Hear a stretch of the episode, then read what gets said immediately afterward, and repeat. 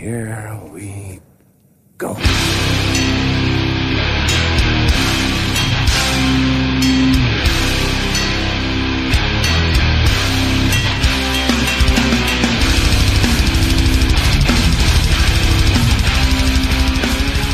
Sådär då, avsnitt 102 av Nere på noll. Eh, Jag, Robin Lindblad, sitter här med Danne Nätterdal.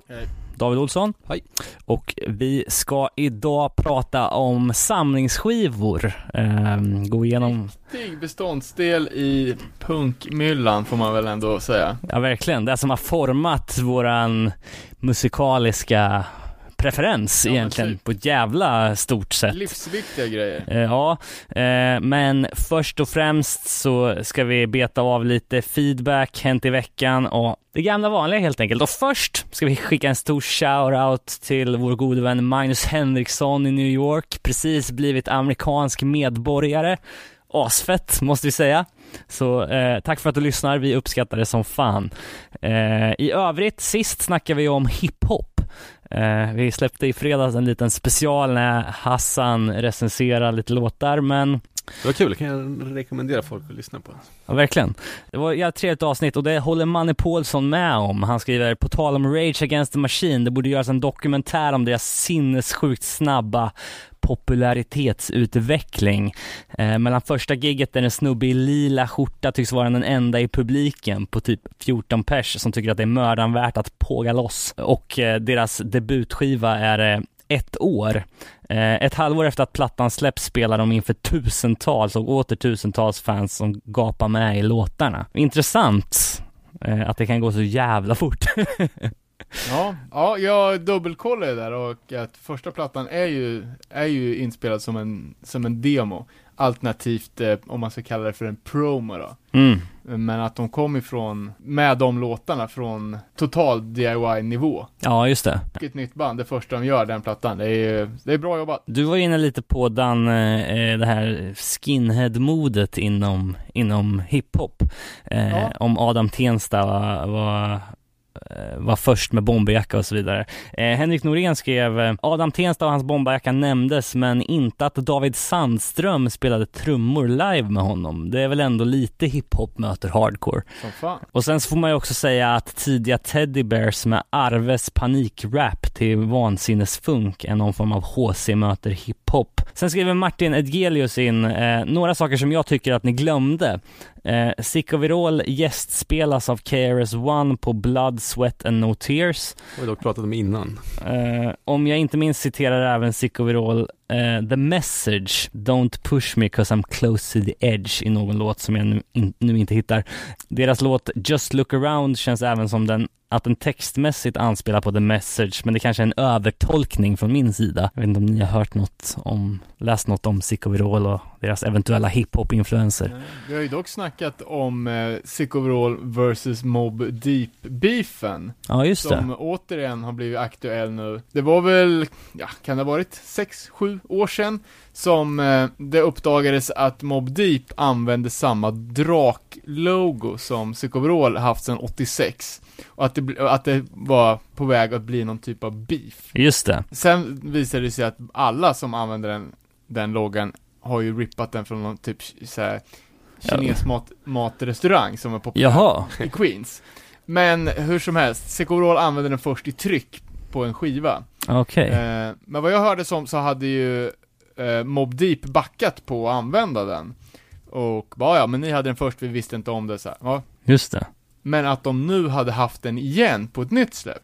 Ja, jag, för jag, just det där med Queens har jag också hört, men det var ju någon som sa att det var Queens stadsvapen eller något sånt där. Ja, Att det var nej, men det därifrån, googlade jag upp och det är något Ja, ah, okej, okej. Då förstår jag. Ja, Martin fortsätter i alla fall. Eh, gällande Beastie Boys så har de två punk slash HC-låtar med på skivan Ill Communication som kom 94 och de släppte en, även en renodlad punk slash HC-skiva 95 som heter Aglio e Olio. Eh, Som vi pratade om. Just Som någon skämtskiva som tydligen inte var det. Ja, och jag sa också att den var ny för att den var från, 90, den var från 95, men den kändes ny. Sen tycker jag det tog alldeles för lång tid innan Downset nämndes. De har minst lika stark koppling till hardcore-scenen i och med deras tidigare band Social Justice. Downset har även en mer renodlad hardcore-låt med på andra skivan Do We Speak A Dead Language som heter Against the Spirit. Ja, eh, svinbra band, eh, som, ah, som, Om man inte lyssnar på smyga. tyvärr, men det är ju fan, jag tycker de är, är pissgrymma. Sen skriver han också till sist här i... Dyra skivor på vinyl dock, tyvärr. Ja, okej. Det är därför man inte lyssnar på dem. eh, I svensk kontext så startade väl originaltrummisen i Outlast senare hiphopgruppen Ship of Fools, eller minns jag fel där? Eh, eh Mikael skriver det, Martin. Eh, och Mikael svarar här då, eh, Stacks of Stamina var det Robban var med i. De spelade på en tidig HC-fest och det blev Linköping, ha- Linköping Godis när de körde den oförståeliga låten Himlen opererar i min hjärna. Nämnde jag det i avsnittet att jag var på hiphop slash hardcore gig i London? Nej, det tror jag inte du gjorde. Eh, jag och Lilja, Rest in Peace, åkte ju till, eh, till London för att kolla på eh, Necro, Ill Bill, Terror och Full Blown Chaos. Jävla bra line-up alltså. Ja, och det var, eh, känns som att det var första gången jag har hört talas om att det var en sån renodlad crossover spelning utan någon direkt headline, utan att det var som att det var bara fyra artister liksom. Just det. Inga hardcore kids dock. Bara rappers. Rappers. Eller rap-fans kanske man ska kalla dem. Cool. Eh, ja men det var väl ungefär det i eh, feedback-hållet. Vi fick lite på mailen också. Det kom in från en eh, Joakim Lundström som skrev Tjena, har snöat in rejält på er podd och till mitt stora förtret och samtida glädje är det, inget, är det inget annat brus som fyller mina lurar. Skulle dock vilja slå ett slag för HC-bandet Hope slash Haven som verkar ligga under Kungsbacka Hardcore Records. Eh, en liten sidnot är att sångaren Mårten Johansson är en jävligt kul och klipsk kille som säkerligen har en del att bjussa på om ni bjuder in honom till ett samtal. Hope Haven alltså. Eh, sen så skriver Kjell-Arne Sandvik eh, och tipsar om eh, en låt med Jörgen Nordeng, a- a.k.a. Jurgwan slash Jodski från bland annat Tungt Vann och sitt eget projekt Jodski. Nu är det smalare för alltså. Eh, men det är tydligen en ganska stor eh, artist i, i Norge som har dragit in lite svenska eh, rappare på sina grejer också, men har någon form av hardcore punk connection. Eh, det om det. Ska vi gå in på Hänt i veckan då istället? Det kan vi göra. Eh, vi kan hålla, hålla i eh, hardcore möter hiphop-tråden då. Eh, ett band som vi inte nämnde, och det är ju ökända, ökända One Life Crew, som på sin andra skiva hade med rapparen Shady Shade. som fitade på massa låtar, plus att de också beatboxar ganska friskt. Eh, har ju annonserat att de ska släppa ny, nytt material, en platta. Jaha, åh fan. One Life Crew. Japp. Och det här kanske vi kan väva in i någonting när vi ska prata om, eh, fördjupa oss lite i det här med rasism inom, inom hardcore, hur saker och ting kan få, vissa, ja, vissa grejer kan glida undan om det är så kallat utvalda personer som Ja, exakt. gör det. Som vi har någon, någon typ av, blir det en paneldebatt, en frågestund eller någonting? Framtida avsnitt. Men One Life Crew, de har väl inte släppt något sen, eller de släppte 2K Hate, kommer jag ihåg. Ja. Eh, 2008. Och sen så släppte de Jag är någon... osäker på om det är några nya låtar eller bara Nej, okej. här CD-reissues, jag har dålig koll. Spännande. Och sen så såg jag att eh, Into the Void, vår kära poddkollega, har gjort en Lowest Creature special som släpps här i samband med deras nya platta Sacrilegious Pain. De släpptes igår. Ja, och ni, ni var såg dem i helgen, Örebro Hardcore Fest. Ja, vilken jävla, vilken jävla platta, vilken jävla leverans. Skivan var fan riktigt jävla bra ja. Jag var ändå lite mätt på hela den här trash-grejen, men fan stor behållning av den alltså. Ja, Ja, jag sa det innan också bara att, alltså, fullängdsformatet är ju svårt att göra, men jag visste att då är det någon som kan göra det, så är det ju dem. För jag tycker låtarna är så jävla välskrivna. ja verkligen. Och välspelat. Ja. Kul också att, eh, att det är lite mer, eh, alltså råare sång nu. Det är fan riktigt brutalt på sina. Och alla så här sköna, liksom, alltså det, det fin, fin detaljerna är ju liksom precis på rätt ställe hela tiden. Eh, och jag, vi, ja som sagt, vi spelar ju eh, tillsammans på Örebro Hardcore Fest här och så passar jag på att, eh, jag tvingar helt enkelt Tobbe att rapportera från deras kommande turné med Leeway som de ska åka ut på här strax. I- Ifall det händer eh, några intressanta saker. Eh, vilket man kan hoppas att det gör med, med en sån legend som Eddie Leeway i, i turnésällskapet. Det ser vi fram emot. Ja, avdelning tvivelaktig merch då. Eh, det är Integrity som är i farten igen. Den här artikeln är en jävla palle för att det står så här Integrity releases actual battle mace. Men jag inser ju att det är bara ett annat ord för en kettlebell. Eh, precis som du var inne på David innan här när vi snackade om det här. Men de har i alla fall släppt tre typer av kettlebells här då. En 8 kilos, en 10 kilos och en 12 kilos. Men vad fan ge Jag tänkte att det skulle vara ett medeltida krigsvapen, men fan också. Ehm, Det hade ju varit mer okej. ja, eller hur? Fan. Jävla hipster hardcore håller på med crossfit och sånt där. Mm, verkligen. Känns inte som någon är så jävla tränig. Skapligt inte. Jag såg även att de hade släppt ett eh, badlakan. Ja, just ja.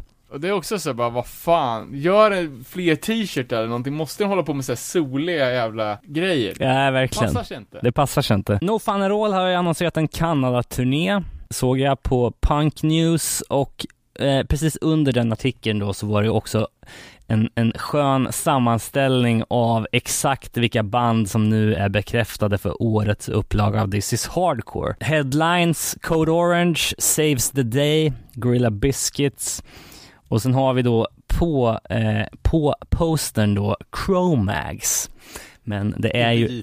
Eh, det är Chromags JM, men det här... Står det inte på posten? Nej, men det är för att det här eh, embargot, eller vad man nu kallar det för, Ja, det. Eh, det- var ju tre månader, så det är okej Fan, att flagga. jävla dokusåpa. Eh, annat intressant på line-upen, 100 Demons, Agnostic Front, Death Threat då 20 års eh, celebration of last days, eh, Agnostic Front 35 års jubileum av Victim in Pain och 100 Demons 20 års jubileum av In the Eyes of the Lord. Sjukt att den är 20 år. ja. Men eh, ja, jävligt fett. Plus typ alla de nya bra banden. Precis. Det var jävligt mycket, alltså det var inte så mycket så här avdankade reunion-grejer. Nej. Och, Det var nice, men också lite det som är This is Hardcores signum nästan. ja, precis. Ja, mer grejer som har hänt i veckan. Ja, vi kan ju, kan ju beklaga eh, Michiro Endo från The Stalins bortgång. En eh, hardcore punk-legend får man väl ändå säga, från, från Japan, född 1968 i Fukushima. Eh, en av de största akterna från där. Eh, som, ja, om japansk punk kanske är mest känd för de riktigt kaosiga kröstbanden så var ju The Stalin lite mer 77 punk, eh, vissa har ju beskrivit dem som Japans svar på The Clash, lite mer art punk så. Eh, tråkigt bortgång alldeles för tidigt och vi snackar ju, och jag snackade om The Stalin förut. Eh, senast var väl när, när Michiro släpptes som en docka, eh, för, för bara, för, ja, ett halvår sedan kanske. Eh, läste även i någon, någon intervju om eh, namnet The Stalin. Mm. Att de verkligen bara satt och typ grunnade på vad är det mest provocerande Och eh, alltså, Japan hatar de ju verkligen Kina och kommunismen. Så att eh, de sa ju att det, det hade varit mycket lättare att heta The Hitler. Men de, de, de, de, eh, körde på i sann punkanda under namnet The Stalin, släppte många feta plattor. Finns mycket på Spotify om man vill kolla upp. Fett.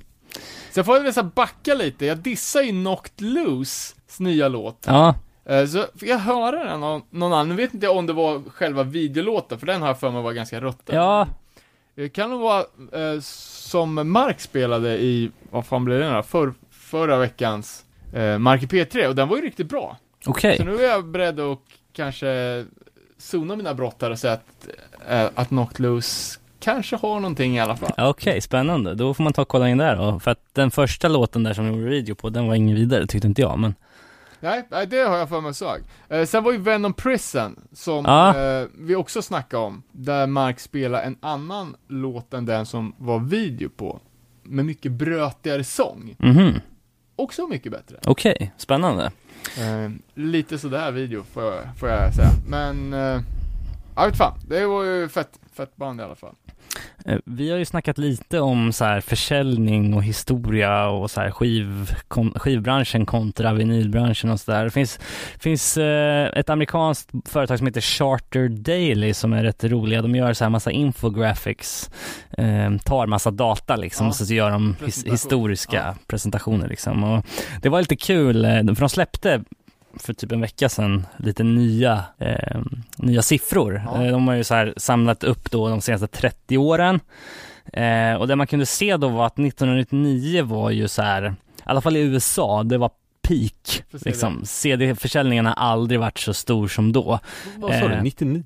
Ja, eh, 21 miljarder dollar drog de in då totalt eh, det här året, vilket är jävligt. Men sen så kom ju liksom Napster och fildelning och sådär. Så vinyl då, det har ju, det, det har ju legat nere fram tills typ 2015 Ja. enligt det här och då har det ju liksom börjat gå upp igen. Men eh, om man kollar nu, 2019, så är det fortfarande bara 5% av all musikförsäljning som är. eh, Men vad är resten då? CD fortfarande?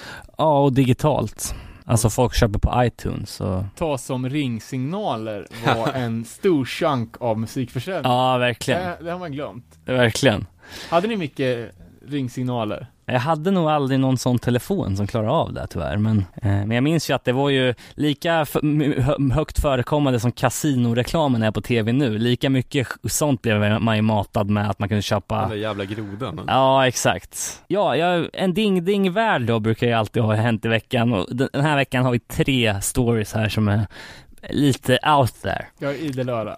Ja, eh, börjar med att eh, Glenn Danzig har annonserat ett datum för sin nya film Verotica. Eh, den kommer släppas den 13 juni på någon sån här eh, filmfestival och det beskrivs då som en horror anthology. Jag vet inte Ska vi om... prata den och se den ihop eller? Ja, det kanske vore någonting. Eh, jag vet inte Hörru, om... Glenn, vi ska inte betala en krona för din film.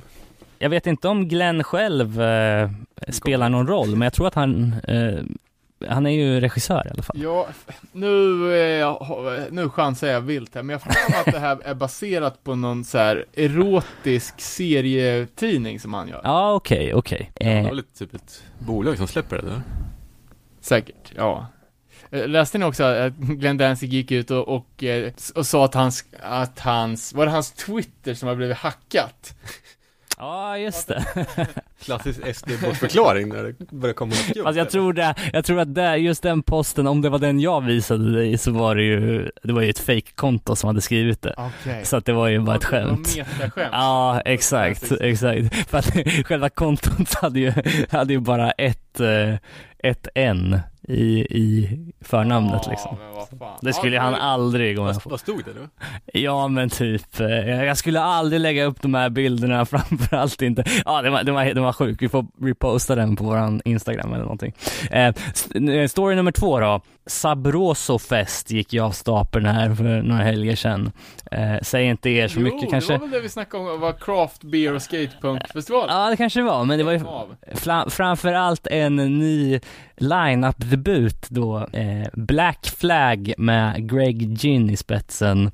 Eh, spelade för första gången sedan 2015 tror jag. Eh, och det var ingen som riktigt visste vilka som skulle vara med i bandet nu. Eh, mer än eh, Greg Ginn då. Men eh, Mike Vallely eh, tog sången. Tyler Smith som spelade i bandet då 2014 var tillbaka på bas och sen så den, den nya trummisen då Isaias Gill, en session-trummis som har jobbat med massa så här Lam skit. ja, David Lee Roth och countryband och så här. Eh, Men setlisten som de lirar var ju låtar från Nervous Breakdown eh, ända fram till Slip It In, men eh, det var inga låtar som, som Black Flag hade gjort efter den Slip Mike. Weir pratar med känd skater. Ah, okej. Får jag nästan, alltså, vi har ju, måste ju ha pissat på Mike V och nya Black Flag minst tio gånger under de här 102 avsnitten. Men jag hörde ju han i The Nine Club Mm. podcast, och då får, Jävligt man, underhållande. då får man faktiskt omvärdera Mike V lite som man, att, Lite nöjd med sig själv men lite nöjd med sig själv, men jävligt typ roliga historier. som en jävla stolle, men i den här podden så är han ju faktiskt ganska sympatisk och nästan lite vettig. Så jag ska typ försöka sila bort lite av den skiten som jag har kastat över Mike V då, från, mest känd från sin skatekarriär, men även från, tidigare från bandet Mike V and the Rats. Just det. Eh, och Men jag ska inte säga att eh, den typ, den eh, Black Flag-uppsättningen har ju inget existent berättigande. Nej, Så nej, vill jag nej. bara claima, men kan ta det lugnt med pissandet. Eh, och eh, högst upp på sjukast sen sist då, det är ju eh, Blink 182 som gör en collab med, de ska åka på en stor turné tillsammans med Lil Wayne. Eh, och, Också skatare. ja okej. Fin. Eh, de släppte ju då en eh, promotion-låt här då, en, en eh, mashup Lil Wayne och Blink 182 när de kör What's My Age Again. Eh, du kanske skulle lyssna på den och reagera Ja. på den så, så återkommer vi strax. Tougher than Nigerian hair. My criteria compared to your courageous isn't fair. I'm a venereal disease, like a menstrual bleed through the pencil and ink on the sheet of the tablet in my mind. Cause I don't write shit, cause I ain't got time. Cause my second minute hours go to the almighty dollar and the almighty power of the ch-ch-ch-ch-chapperson. That's about the time she walked away from me. Nobody likes you when you're 23. And I still more abuse my TV shows. What the hell is eating to my friends say I should have played. What's made you again? What's my age again? Okay, a million here, a million there, Sicilian bitch with long hair, with coconut derriere, like smoking the thinnest air. I open the Lamborghini, I'm hoping them bitches see me like, look at that bad how easy they are. That's about the time that bitch hung up on me. Nobody likes you when you're 23. And I still more abuse by prank phone calls. What the hell is college? And my friends say I should have played. What's my age again? What's my age again? Ja, alltså det är ju vad det är. Det är ju en promotion för en turné, men, men vad säger ni? What's my age again? Alltså jävligt skeptisk till en början, men sen tycker jag väl nästan att Lil Wayne börjar låta lite som Bad Brains där på sina Ja, Han sjöng med den rappa, det var väl tur där. bra val. Men jävlar vad dåligt eh, Blink-sången sjöng. ja verkligen. Det var ju helt plötsligt som att Lil Wayne hade, var någon sån här gudaröst när man fick göra den andra snabbt. Men man, Blink släppte också en ny låt, ja okej, och en ny skiva. okej. Spännande. Ja, de Jag tror att jag ska sitta och säga att saker är dåligt, men det var fan inte bra. men jag tyckte att Blinks senaste platta California från 2016 var jävligt bra. Men vi Ja, får men se. det har vi snackat om. Den tyckte ju till och med jag var bra. Ja, vi Ja, får, men Det här var, kändes mycket töntigare på något sätt. okej. Det, det hette något så här, Story of my youth eller något. Aha, Det var- okej. Eh, Men det blir spännande att se då vilka eventuella punk slash hiphop collabs som man kan se i framtiden eh, åka på turné. Det är, alltså, det är ju f- friskt på ett sätt. Att man kan åka och se, om man gillar Lil Wayne och man gillar Blink-182, åka och se dem på samma kväll liksom. Ja, men jag tänker, eftersom det är i den lilla, eh, den lilla hiphopen som jag konsumerar och vet om, så är det ändå som att det finns en liten, eh, att folk är lite peppade på, alltså artisterna är lite peppade på punk, i alla fall på punkestetik. Och kan det inte vara så att vi ska försöka anamma det här och verkligen bejaka det, eftersom vi har kommit fram till att ingen jävel lyssnar på hardcore. Men vi då bara ta rygg på de här hiphop-artisterna som ändå tycker att punk är lite coolt, för att sprida den här gospeln nu då, som, måste komma ut. Att vi, att vi sätter upp, eller vi sätter upp, att vi tjatar in oss på någon, ja men fan, Lil Yatzy, med något hardcore-band som får spela då för en miljard människor, och så kanske vi får igång den här hardcore-rörelsen. Ja men verkligen. Vi måste göra det i Sverige. Ja, Men eh, vi jobbar på det. jag tänker så här också att typ, det vore... Young Now Wow, Prison Riot-turnén. Ja men exakt, det känns ju inte så jävla långsökt att typ såhär Waka Flocka Flame och eh, Earth Crisis åker och bondar över veganismen liksom. Precis som Blink-182 och Lil Wayne bondar över Vans liksom. Eller, eh, inte fan vet jag, Young Lean och Turnstyle. Alltså. Ja, det skulle ju fan kunna funka. Men ja, jag, jag tror att, som, som ni sa, man, man var mer negativ inställd till det först. Sen hörde man låten och bara, ja, det här håller ju. Eh, igen, där man tänker det, oj det var inte riktigt så dåligt som jag trodde. Nej. eh, ja men det var väl ungefär det jag hade Nej, nu ska för... jag prata om grejer jag tycker det är bra. Ja okej, Nya Fury. okej. Bold. Verkligen. Jag tyckte det var svinbra. Eller, jo, jo, svinbra. nu kan du inte ens säga att det är bra, fast du skulle prata om saker som du tycker är bra. Men har de släppt Bra, he- hela plattan eller? Japp. Ja. Okej, fan jag måste ju lyssna på den. Eh, jag har inte hunnit göra det än. Men okej, som du, om du ska luba in den här till mig då, för att Jag tror inte, Jag har varit kommer- du kommer ju kanske inte gilla det tyvärr. nej, alltså jag har ju varit så jävla negativt inställd till de låtarna som de har släppt innan, men jag vet inte om Det jag, låter ju typ så, rakt igenom, ish. okej, Det är inte, vad heter den, Paramount? Paramount. Två. Det är Okej. långt ifrån. Nej, det är synd. För, men det är ju det är en vattendelare, för det är många som säger att det är pissbra. Mm. Men eh, det är ingen som säger att det är okej. Antingen tycker man det är pissbra, eller också tycker man att det suger. Ja, precis. Ja, så, men ja, så kan det nog vara. Jag ställer mig på pissbra-sidan då. Kul. Ja, jag vet fan, jag får inte ut någonting av det här, så för mig är den helt överflödig. Nej, och jag hade nog fått ut skitmycket av dem det här var ett helt nytt band som kommer det här soundet. Ja. Liksom. Ja, exakt. Nu ligger Att det besvikelsens täcke över. Ja, ja men spännande att du gillar det. Då får jag väl eh, ge hela en chans. Jag hade helt avfärdat det som att det aldrig skulle komma in i mina öron igen. Efter de där. Okörat. Bra sommarmusik tror jag. Coolt. Vi fick även Vonna Inget skickat till oss. Där har vi sommarmusik. Ja.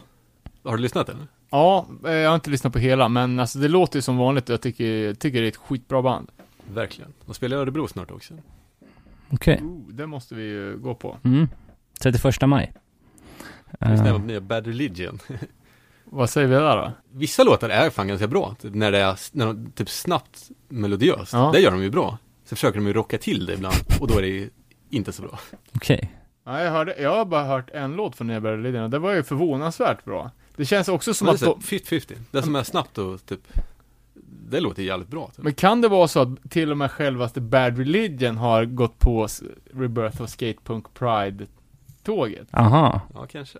Synd att de inte gick hela vägen på tåget. Det är fortfarande lite så här, typ Foo Fighters. När det inte är så snabbt. Eh. Men lätt värt att lyssna igenom. Ja, men coolt. Och vi kan ju ta det här under feedback-segmentet, för det är ju en jävla uppslutning bland folk som vill eh, tipsa om sina favoritsamlingsplattor. Och vi kommer ju inte hinna prata om alla dessa, vad är det? Jag tror det är 90 stycken inskickade plattor som, som folk tipsar om. Eh, från, eh, alltså klassiskt till superobskyra grejer. Från Grind Crusher, den klassiska Earache-samlingen till Two-Tone Dance Craze. Eh, men jag tänker att vi kan väl ändå bara snabbt lyfta upp lite grejer som... eh, Vi har ju Alltså, redan spelat in samlingsdelen, så vi vet ju vad vi inte har pratat om. Eh, så att vi bara kan ge lite recognition till, eh, till folk som ändå lägger sin dyrbara tid på att kommentera på vårt skit. Men det märks ju att, alltså den här uppslutningen, att eh, samlingsplattor har ju fan stor betydelse. Mycket nostalgi, man, alltså det är ju en inkörsport till den här skiten och jag tror att en av de anledningarna till att Det var ju framförallt det. Ja, jo, det, det, det får man säga, att det, att det hade större betydelse förut. Men just att det är sån in, instegsgrej. Jag, jag föreställer mig att när man kommer in på punk och liksom bara fastnar som, som vi gjorde, att man helt plötsligt vill konsumera allt. Mm. Och då, hur, alltså då har man, boom, 20 band på ett bräde liksom. Just det. Och att det är extra viktigt och att det just i sina formativa år där, man har liksom så här liksom starka band till, till ja, vissa komps liksom. Och att man, alltså att jag kommer hylla Stoned här om, om en och en halv timme är ju liksom, då måste det vara i rätt sammanhang. Eh, men bara några coola grejer som folk skickar in dem då. Eh, jag tror det var, eh, kan det vara våran kära lyssnare från Norge, KA, som tipsade om en eh, jävligt cool samling som jag, som jag diggar och det är Peace War, en benefit-samling eh, som kom 84 tror jag, som är, eh, jag vet ett jävligt tidigt eh, exempel på international hardcore. Mm. Eh, det här är ju fan på den eh, senstenåldern liksom, men, men att det är världsomspännande nätverket, ja, Alive and Kicking redan då. Och den här, jag, jag tror den är, är sammansatt av Dave Dictor från MDC, den är i alla fall släppt på hans bolag R-Radical. Amerikanska band, alltså Ja, typ Neon Christ, Cause for Alarm, Reagan Youth Offenders, men även svenska Mob 47. Danska, Kalashnikov, vi har ju pratat om att det inte fanns några danska hardcoreband. Just det. Eh, och så har vi typ från Japan till eh, Italien med Negasone och PGO Punks. Eh, och likadant uh, Maximum Rock'n'Rolls, uh, Welcome to 1984. Också en internationell hardcore-samling med mycket finskt, med Rattus, Tervet Cadet och Svenska Huvudtvätt. Och ett, bara som jag, när jag skummar den här kompen, uh, ett jävligt fett brasilianskt band. Olo Secco, som var Mhm. jävligt coola. Det måste jag checka ut mer. Coolt. Sen om man ska snacka gammal skit då, första generationens hardcore, så eh, LA-scenen verkar ju ha någon omatchad jävla förmåga att kicka ur sig samlingsplattor. Collector Scum, vad det nu är, är det en blogg eller en hemsida. eh, .com i alla fall eh, har ju massa old school hardcore kuriosa. Eh, de listar i alla fall 65 stycken LA hardcore comps från åren typ 78 till 82. Jävlar. Det är ju helt fucking otroligt. Ja, verkligen. Något att samla på. Eh, ja, de flesta av de här är ju pissdyra. Vad som kan vara den första renodlade hardcore-fullängdaren, eh, Decline of Western Civilization soundtracket med Black Flag, Circle Jerks, Bags of Fear och Germs. Eh, en annan cool som jag, som jag är lite fascinerad av, eh, också en jävligt klassisk platta, är ju Hell Comes to Your House. Där det förutom, alltså de mera klassiska hardcore-banden även finns lite såhär death rock-band som är coola. Eh, Typ vilka band? Vet. 45 Grave och Christian Death. Eh, och 45 Grave var väl sist på tapeten i julpunk-avsnittet. Mm. När de gjorde en jävligt bra cover på Mr Grinchen, You're a mean one. Just Eller fan. någon i den stilen. Och Christian Death är ju feta, de har ju släppt på Frontier. Okej. Eh, sen även, eh, svinbra samling, American Youth Report. Som jag precis innan vi, vi, vi skrev det här hade av misstag köpt en reissue i tron att det var ett original. Mm. Lite besviken, men det är för jävla bra platta. Eh, och hela, eh, det kom ju en åtminstone tre editions samlings-LP-serie. Eh, den första heter ju Life is ugly, so why don't you kill yourself? Eh, tvåan, Life is beautiful, so why don't you eat health food? och trean är väl Life is boring, why don't you steal this record? Eh, och det är också ganska högt och lågt, men eh, mycket coola grejer. Och även eh, Yes LA, Danger House-kompen. Supertidig LA hardcore med alla Danger House-band. Okej. Eh, Men just, ja, över 60 samlingar från, nå- men jag tror inte ens det fanns 60 band. Nej, exakt. Och jävlar, alltså det här var ju typ många av de största klassikerna får man väl säga. Men att det fanns så sjukt många jävla dyngobskyra komps. Från den här perioden, som man inte ens kände till bandnamnen. Nej, nej. Nej, man vill ju, man vill, det är en sån eh, antologi eller en eh, sammanställning av liksom alla band eh, som kom ur den där scenen mellan de där åren som man skulle vilja ha. Det skulle vara den amerikanska eh, va- eh, motsvarigheten till, eh, Varning för punk. Typ. ja exakt. Ja, Också något vi glömde nämna. Och vägra raggarna bensin som vi har Och Really Fast glömde vi nämna, kommer jag ihåg. Ja, det finns det fanns ju jävligt många svenska komps, även på vår, inom vår levnadstid. Eh, offside, icing, Mm. eh, lokala komps som Revenge, var väl Karlstad Hardcore Comp. Best of Bergslagen. En, det, det snackar vi om när vi snackar trallpunk, och det var min, liksom, rebirth av trallpunk-pepp. Det var den sista trallpeppen jag hade. Ja. Köplusta. med AB Rävskabb. som jag Just bra. det, just det. Lite klassiska engelska komps, som kanske är lite mer, eh, vad ska man säga, major label släpp med reservation. Eh, Nobody's Heroes och The Best Punk Album in the World. Det är ju såna här plattor som man har sett tusentals gånger. Oj-serierna, Chaos in France och Chaos in Sweden. Oj känns ju överlag som att det är ett jävla samlingsalbums eh, genre Ja, ja, ja. sinnessjukt mycket komps därifrån. Uh, Punk and Disorderly. For the sake of dedication, Youth Crew-samlingen har vi, har vi, eller kommer vi nämna. Ja, det är tus, tusentals jävla compilations och uh, jävligt fett. Ja, jag. och kul att- Nypeppad på att kolla upp nya samlingsplattor. Ja men verkligen. Kul Jävlar. när man får chans att reflektera också kring hur mycket samlingsplattorna har betytt för ens eget lyssnande. Och det kommer vi göra nu, när vi bjuder in Mark Strömberg till att prata samlingsalbum. Och vi kan väl slänga in en liten braskis här att vi gör den här telefon, eller den här intervjun på telefon och att vi har en, ja, en och en halv sekunds delay på våra egna röster i medhörningen. Så om vi låter totalt sjuka i huvudet så beror det på att vi hör oss själva. Delvis beror det på det. Fett. Ja men vi säger välkommen till Mark Strömberg.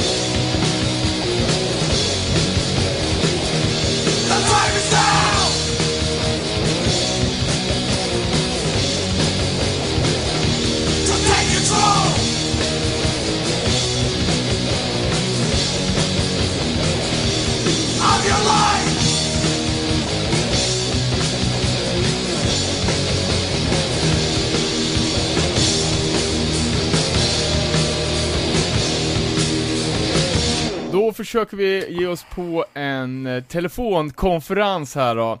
Avsnitt 102, eh, som kommer att handla om samlingsplattor. Och gäst på andra sidan landet, på andra sidan tråden, har vi Mark Strömberg. En ganska flitigt återkommande gäst. Välkommen! Tack, det är jag som tjatar in mig på olika teman. Ja, men vi är jätteglada av att ha dig med här. Tack, du som det är är min vår-. Musa för att komma på bra saker. Och för de som är nytillkomna lyssnare som kanske inte har hört de andra avsnitten som du har varit med på, kan ju gärna dra en liten snabb beskrivning av dig själv och din gärning. Vem är du? Ja, eh, Mark Strömberg heter jag och bor här uppe nu i Umeå och uppväxt under 90-talet i hardcore-scenen som var här uppe. Eh, Och har spelat i en massa band sen jag var 12 och nu på senare år kanske som folk nere i söder vet eh, med Forever Young och med Håll det Äkta. Och några små svängar med First Blood, men det är som inte mitt band. Eh, och så gör jag en massa grafisk design och illustration och så nu har jag också eh, P3s eh, rock och metal och hardcore punk eh, program på eh, tisdagar för P3. Så det är jag också. Och läsk. Eh, och så läsk, hjortronläsk och all läsk, all läsk. Det är. Grymt. Fullt ställ helt enkelt. Ja, Ja. ja. men jag kastar väl upp bollen direkt då, så får vi se vart den landar. Mm. Eh, ja men det känns som att samlingsskivor som vi ska snacka om idag har en lite speciell betydelse just inom punk och hardcore.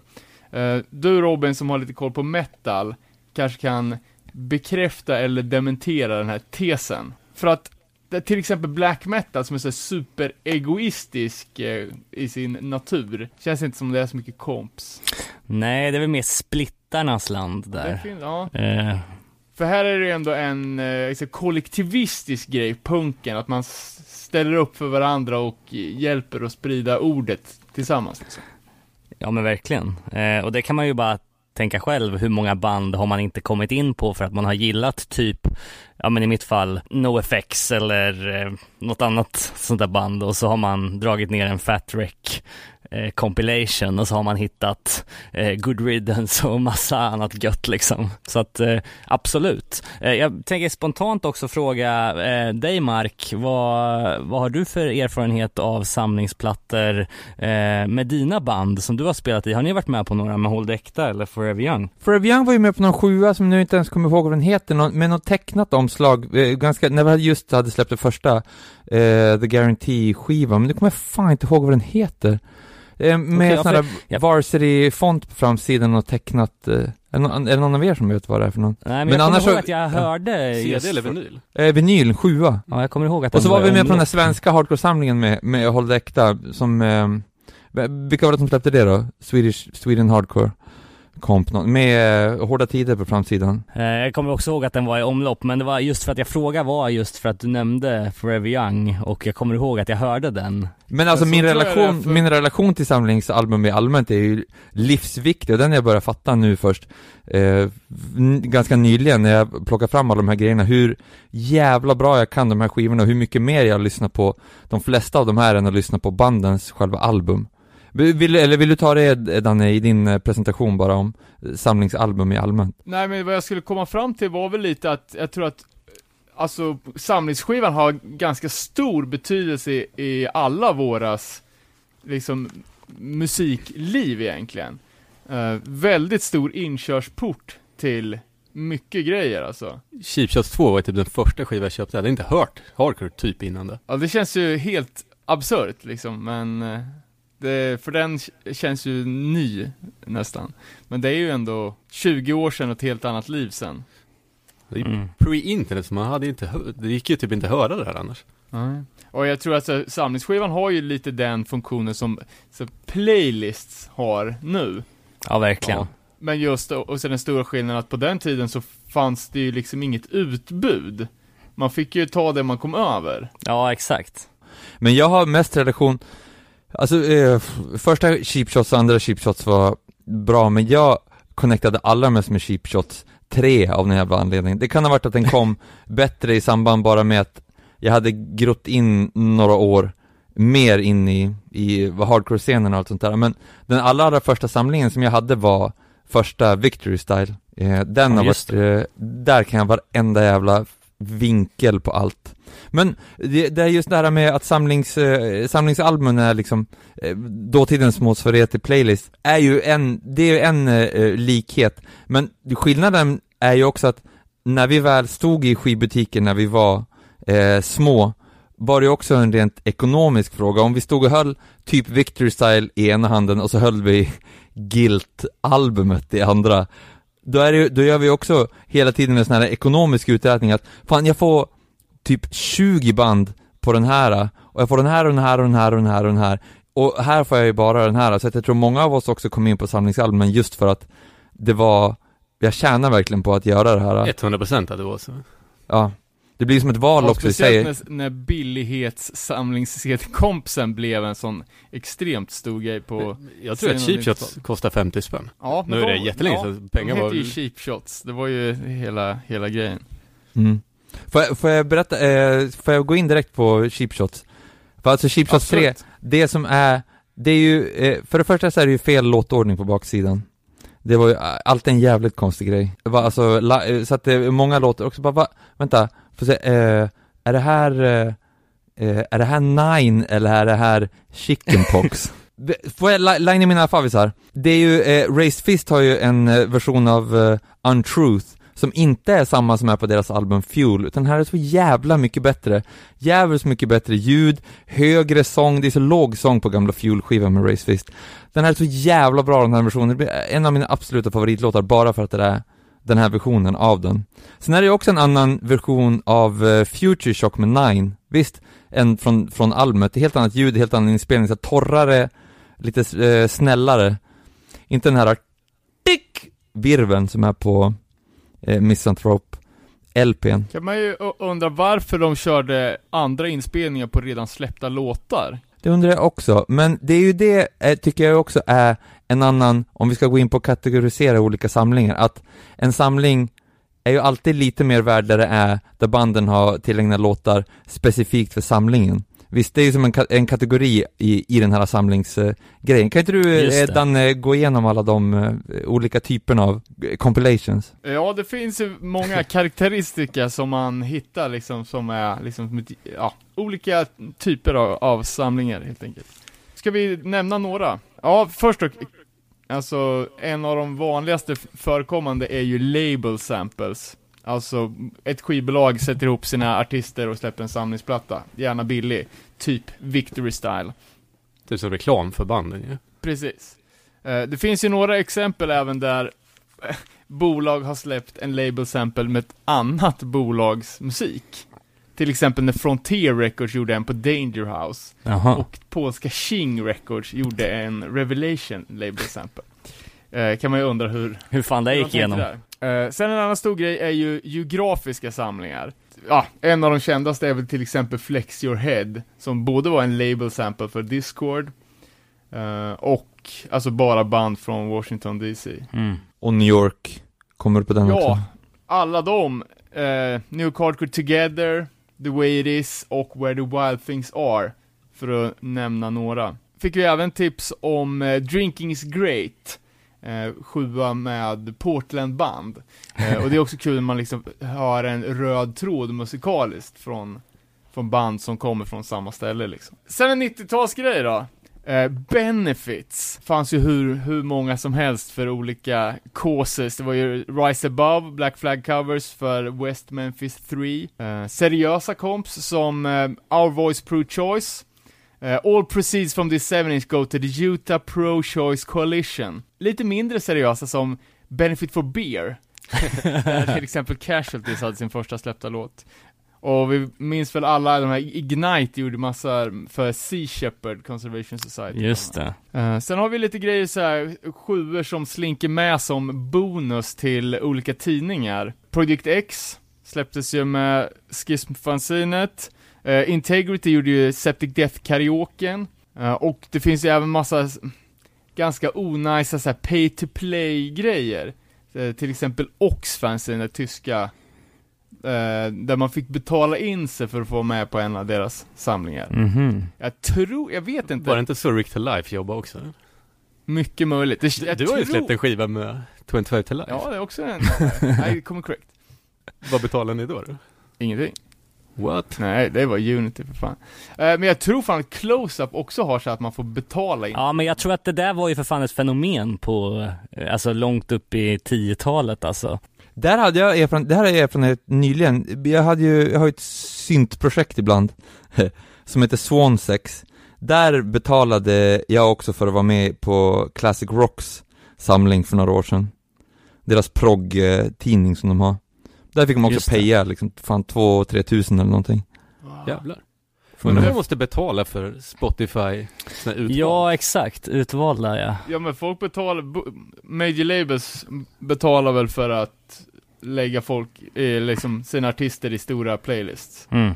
Ja, men inte bli, vi får ju, eh, våra Random Bastards eh, artister, för kollektivet som jag jobbar med här uppe som har Cleo och Gonza och eh, Fricky och massa, där blir vi utvalda, men det är ju mer, då hamnar vi på eh, 100 och de här hiphop-listorna, men, Just det. men det är ju, ja, om man vill in på dem så finns det säkert ett system när man ska betala in sig. En annan eh, sam- en, en eh, label, du kanske nämner den här samlingen, men den är också, den kanske ingår i label eh, PR egentligen, men de som är typ Warp Tour eh, samlingarna och det fanns en samling som heter European Invasion som var en split mellan eh, Revelation, Equal Vision och Indecision som var liksom, när de släpper promogrejer inför kommande turnéer eller sådana samplers som de delar ut nästan bara på de här stora sommarfestivalerna som man går runt och bara delar ut, så, Ja. ofta så pappersficka Ja. eh, eh, samlingar. Men det är skumt, just den, eh, det är ju så klockrena bolag och ändå har jag aldrig sett den. Och jag Det hade den där så vara- jävla länge, den är fotokopierad. Den finns ju på Discogs och allting, det är så jävla jävla bra låtar. För då är det både typ Converge, Adamantium, Throwdown, Elliot, i massa emo. Det är så jävla bra trippelväg. Jag vet inte vars, var som man kan ha delat ut den, men det måste ju ha varit här. Massa, massa band hade säkert med sig dem när de var och rundade. Men eh, den, jag vet inte om den är kanske specifik för, ja, Eh, den kanske ingår i, i label samplings. Eh, hur som helst, fortsätt med vilka fler olika typer. Ja, sen en annan grej då som, eh, som är ganska stort är ju tributes, alltså rena coverplattor. Eh, jag själv gjorde ju en tribute to Warzone, eh, Kids Tribute to Warzone. Eh, och det kom ju även en svensk My Threat Tribute 7 eh, 98 typ. Och en svensk Prince coverplatta om ni kommer ihåg den, Purple Pain. Fy fan, det lät inte bra. Jag vet inte, jag tror den var ganska hypad när den kom. Eh, Det var ju Dolores som, som gjorde den, eh, med Refused Fireside, men Teddy Bears Purple Rain gjorde väl de, som var den stora hitten från den. Eh, Sen finns det ju This World Still Won't Listen, typ nästan lite tough guy hardcore band som kör Smiths covers. Oj. F- Fifth Night Test of Pain hade med en låt. Mhm. Eh, Men det var ju Sub-Zero, Leeway och Slapshot hade en låt med. Och det är ju fortfarande Slapshots mest spelade låt på Spottan. Du nämnde ju också en Black Black Tribute, det finns ju också en The Cure eh, Tribute. Heter den Disintegrate kanske, bara själva samlingen, som Converge och massa fler är med på, som gör som stökiga versioner av The Ah, Cure-låtar. right, Ja, jag. Jag tror att det, fin- det finns på Bandcamp tror jag till och med. Vilka fan är det som är, ja, det är samma tribute. Och glöm inte de viktiga coverplattorna Punk Goes Pop. Just det, Mm, de ja. gamla klassikerna. Finns de fysiskt? Ja, det är de, men de var jättestora när de kom i början. Ja, fan, New Found Glory släppte ju just, Att de var uppe i typ Punk Goes Pop 50 nu. ja och så Ja, har de de ju Punk Goes Metal och Punk Goes, Punk goes country, Movies, ja. punk goes eh, rap, punk goes liksom. Mm. Men det är ju inte, det är mer sån här liksom turnera Warp Tour efter att Warp Tour var bra band liksom. När Ja, det är sånt. mer Och så är det- liksom, inströssat en del sådana här hårdare hardcore Ja. warp-band. Men, eh, ja, ja, eh, uh, August Burns Red som håller på att göra massa sånt där skit och, Ja, det räknas inte. Men en, en samlingsform också som, som jag tyckte var svinviktig när jag var liten, kanske till och med innan jag var helt in, insyltad i hardcore-scenen, det var ju också film-soundtracksen. Film-soundtrack-skivorna. Jag hade en massa, massa sådana där som det var, typ eh, Offspring var med på, Batman Forever, Matrix-soundtracket fanns det en del hårda grejer på, Godzilla-soundtracket fanns det en del grejer på, Ace Ventura 2-soundtracket, även soundtracket till, eh, ja, ja, nej jag tror inte de var med på, de var inte med på, ja det är om de släppte till ettan kanske, men på tvåan var det typ eh, White Zombie och massa skit. Men de släppte ju också soundtracks till eh, den här gamla eh, filmen Singles och grunge-dokumentären Hype, där de också hade med band eh, från eh, dokumentären. Men alla de här stora Hollywood-filmerna också tyckte jag var svin eh, eh viktiga, de där eh, CD-samlingarna. Det var asmycket bra grejer på då, tyckte jag då.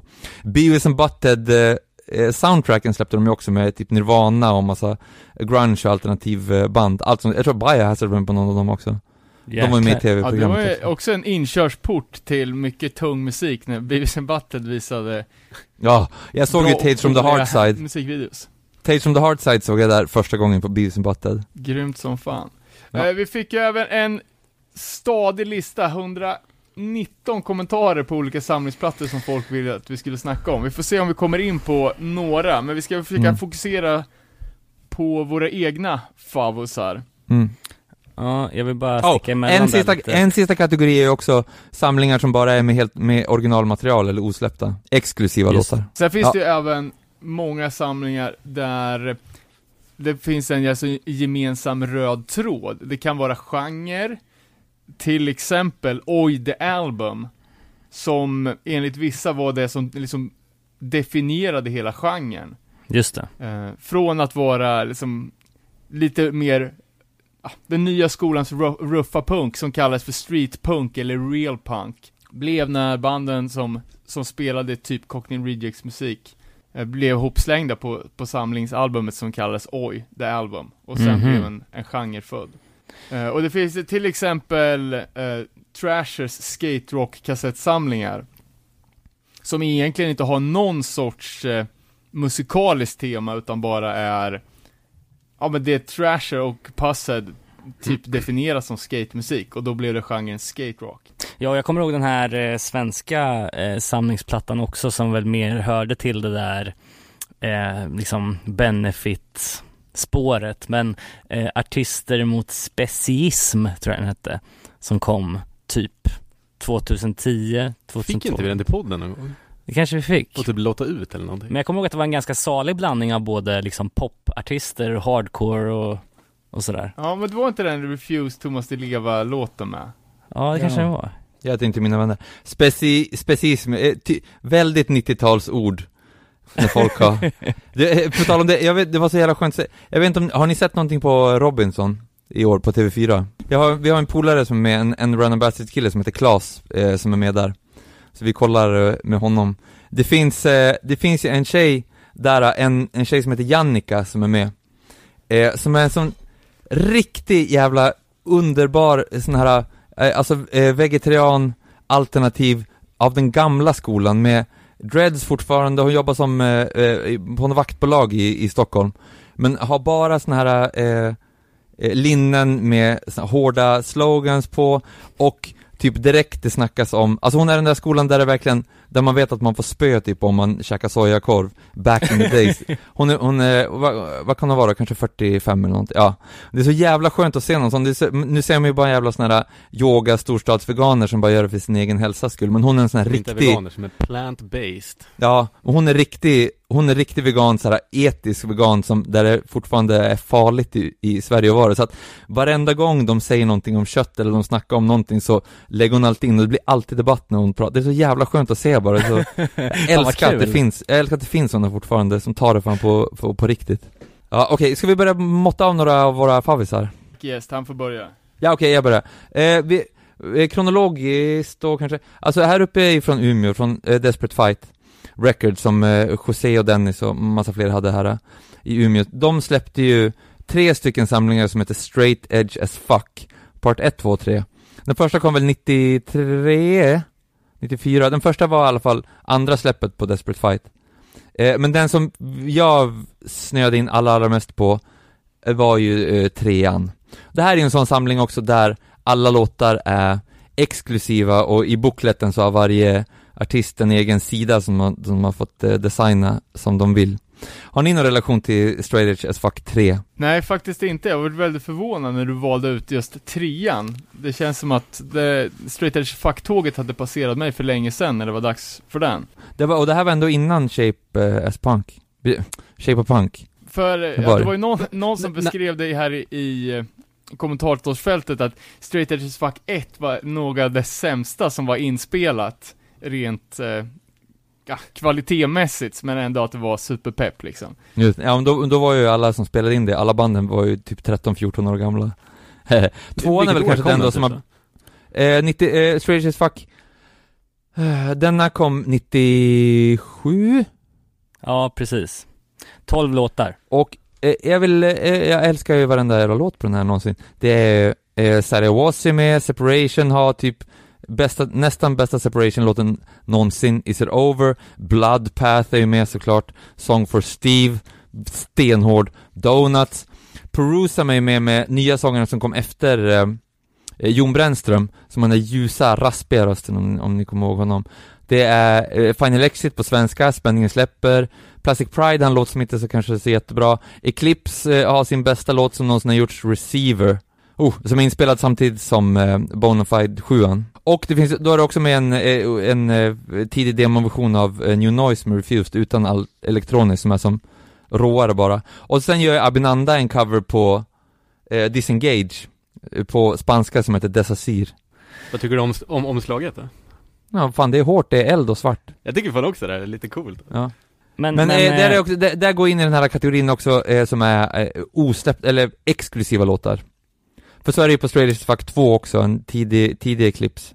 Med Phil, en snubbe som heter Philip som sjunger som var med i Sarajevosen. En personlig anekdot angående Straight Edges Fuck då. Det här var ju ja, när man var litet kid, jag hade så här pennskrin i skolan. Och så skrev man ju upp alla bandlogos och allt man kunde komma på som var coolt. Eh, Jag har aldrig varit straight edge, men jag skrev i alla fall, ja, typ i brist på bättre liksom. Jag straight edge, eller ja, straight edge fuck. Så var det någon klasskompis som gick förbi och läste det bara. Sex as fuck. Jaha. men, men jag tänkte på de här Straight as Fuck-plattorna borde ju också kvala in i kategorin representera ett geografiskt område. Eh, Ja, och allt på Desperate Fight var väl Umeå? vad jag, som jag förstår det så, ehm, alltså um, Straight as Fuck var väl lite för hardcoren som Cheap Shots var för, för punken liksom att ehm, Ja, det ska Ko- Kom man in på, visste man vilka Refused var och kollade in Straight as Fuck så fick man jävligt mycket annat bra på köpet liksom. Ja, eh, och exakt. även i, alltså jag hade ju i vuxen ålder inte hört talas om varken Pursam eller Said I Was, så Wow. Wow. Vad tyckte du, vad tycker du om dem då? Prusam är ju metal ändå, det var ju svin, de var ju det mesta jävla metalbandet som fanns här uppe, det är ju i princip ett riktigt hårdrocksband. De är ju från Skellefteå också, egentligen. Just Viktig det. skillnad här uppe. Men det är ju liksom, det är ju riktig hårdrock. De ja, eh, vad, två- fan, ända sedan du var med sist så tror jag att jag har, eh, vad heter den där, Dying Race skivan. Mm. Eh, jag vet inte om det var den första eller andra de släppte, men eh, Första albumet, men andra släppet. De släppte en EP som heter Outbound innan. Ja just det, just det. Men den har jag ju blastat fan mycket alltså. Jag tycker det är bland de bättre 90-talsbanden och då hade, hörde jag det inte först 2016 eller något sånt. För den var ju med, en av låtarna från den, det albumet var ju med på en gammal eh, definitivt 50 spänn samling Som ni väl hade där Ah. nere Den bruna, när det är snubbar som står i något polisförhör Just det, just det. Också Ja. en platta som har återkommit väldigt mycket bland våra lyssnare när de skulle posta sina favoriter. Det var ju när Desperate Fight blev någon sorts underetikett till Birdnest och därför halkade jag in på definitivt Just det. serien. Ja, för att eh, Birdnest-loggan är ju på alla de här Strange as Fuck Samlingarna också, alltså så redan, redan från Och även från. Said I Was var ju med på definitivt 50 spänn, typ någon volym, fem Ja. eller sex där. Med Pigs, eller hur? Pigs är ja, väl med på den? precis, precis. Från deras andra album. De var, Sarah Wars var egentligen störst när de släppte en EP innan som, med en låt som heter Solidarity. Det är som deras stora hit. Ja, säger precis. jag? Den. Ja, ja. Sen gjorde ju de den här resan som många band gör nu, ja i och för sig, Ian McKay gjorde det också, men, men som många band, man säger nu typ Tidal Fight och sådär, att det, det är ganska hårt i början och sen så går de att bli sån här allt 90-tals eh, rock. ja, men de Ja, bytte men det väl sångare många- där i någon veva? Erik Osell, nej det var samma. Han Han bara slutade skrika. Ja. men eh, Cheap Shots då, om vi går, går ner till någonting, för att Strange as Fuck är ju väldigt geografiskt bundet till det här. Var det, alla lyssnar på det i Umeå eller? Ja, alla lyssnar på Strange as Fuck. också, men antar att det var ännu Ja. större där. Jo, det är riktigt. Det är ju canon. Man, som man säger så. Som man säger i serietidningsvärlden. Ja. Norrländsk canon. Eh, men Cheap Shots pratade vi ju, duttade vi lite på innan på Cheap Shots 3, min bästa. Jag älskar ju Liberator bara för den låten som är med där också, ska jag säga. Eh, Men Oj, oj. och lite bakgrund till det här då. Uh, Cheap Shots var ju uppföljaren till, ja, det här var ju Burning Heart och pre-Burning Heart, uh, releaserna Hardcore for the Masses. Uh, ettan är släppt på LP och innehåller ju lite, lite mer typ svensk punk och thrash och pre-HC. Uh, men tvåan med den avhuggna kuken på har ju gått flitigt hemma hos mig. Eh, Det här var ju inte lågprissamlingar. Men det var ju ändå, ja, alltså i, i den här eran när hardcore började slå igenom och svensk punk var det typ den dominerande ja, stilen som, som, som mina polare och jag lyssnar på liksom. Och Fan vad sjukt man tyckte omslaget var dock. Ja, det är lite osmakligt faktiskt. Eh, Men att det, att det var, ja men svenska klassiska punkband, samma som, det var ju Carta, Dia- Diasalma och DLK, men att då, många av de här körde på svenska, eller på engelska, som annars körde på svenska. Och de tidiga svenska hardcorebanden. Eh, Vi, David, vilken är din favorit, eh, Cheap Shots? Två. Berätta, det var typ den första skivan jag köpte. Ja men jag tror också det var så för mig alltså, för att jag fick den på inspelad kassett kommer jag så jävla väl ihåg. Alltså det var en snubbe som gav mig en kassett i skolan och bara det här måste du lyssna på. Och då var det Cheap Shots 2. Eh, så att, Jag, jag fick Life on a Plate på en jävla bootleg-kassett också. Och sen köpte jag den där för den var så jävla billig. Just det. Men det var, det var ju, det är det som är gött med Cheap Shots på ett sätt, för att eh, det är ungefär samma band som återkommer hela tiden. Eh, och några nya. Så man hade ändå så här, man kunde spinna den back to back, även om man inte kände till typ en tredjedel, för att ja, man visste att det kom en Satanic eller det kom en Liberator banger liksom. Ehm, men Men, men det vi pratade om att det var exklusiva låtar, det här var ju bara hit, hit. Varje band på Burning Hearts hitlåt typ. ja, precis.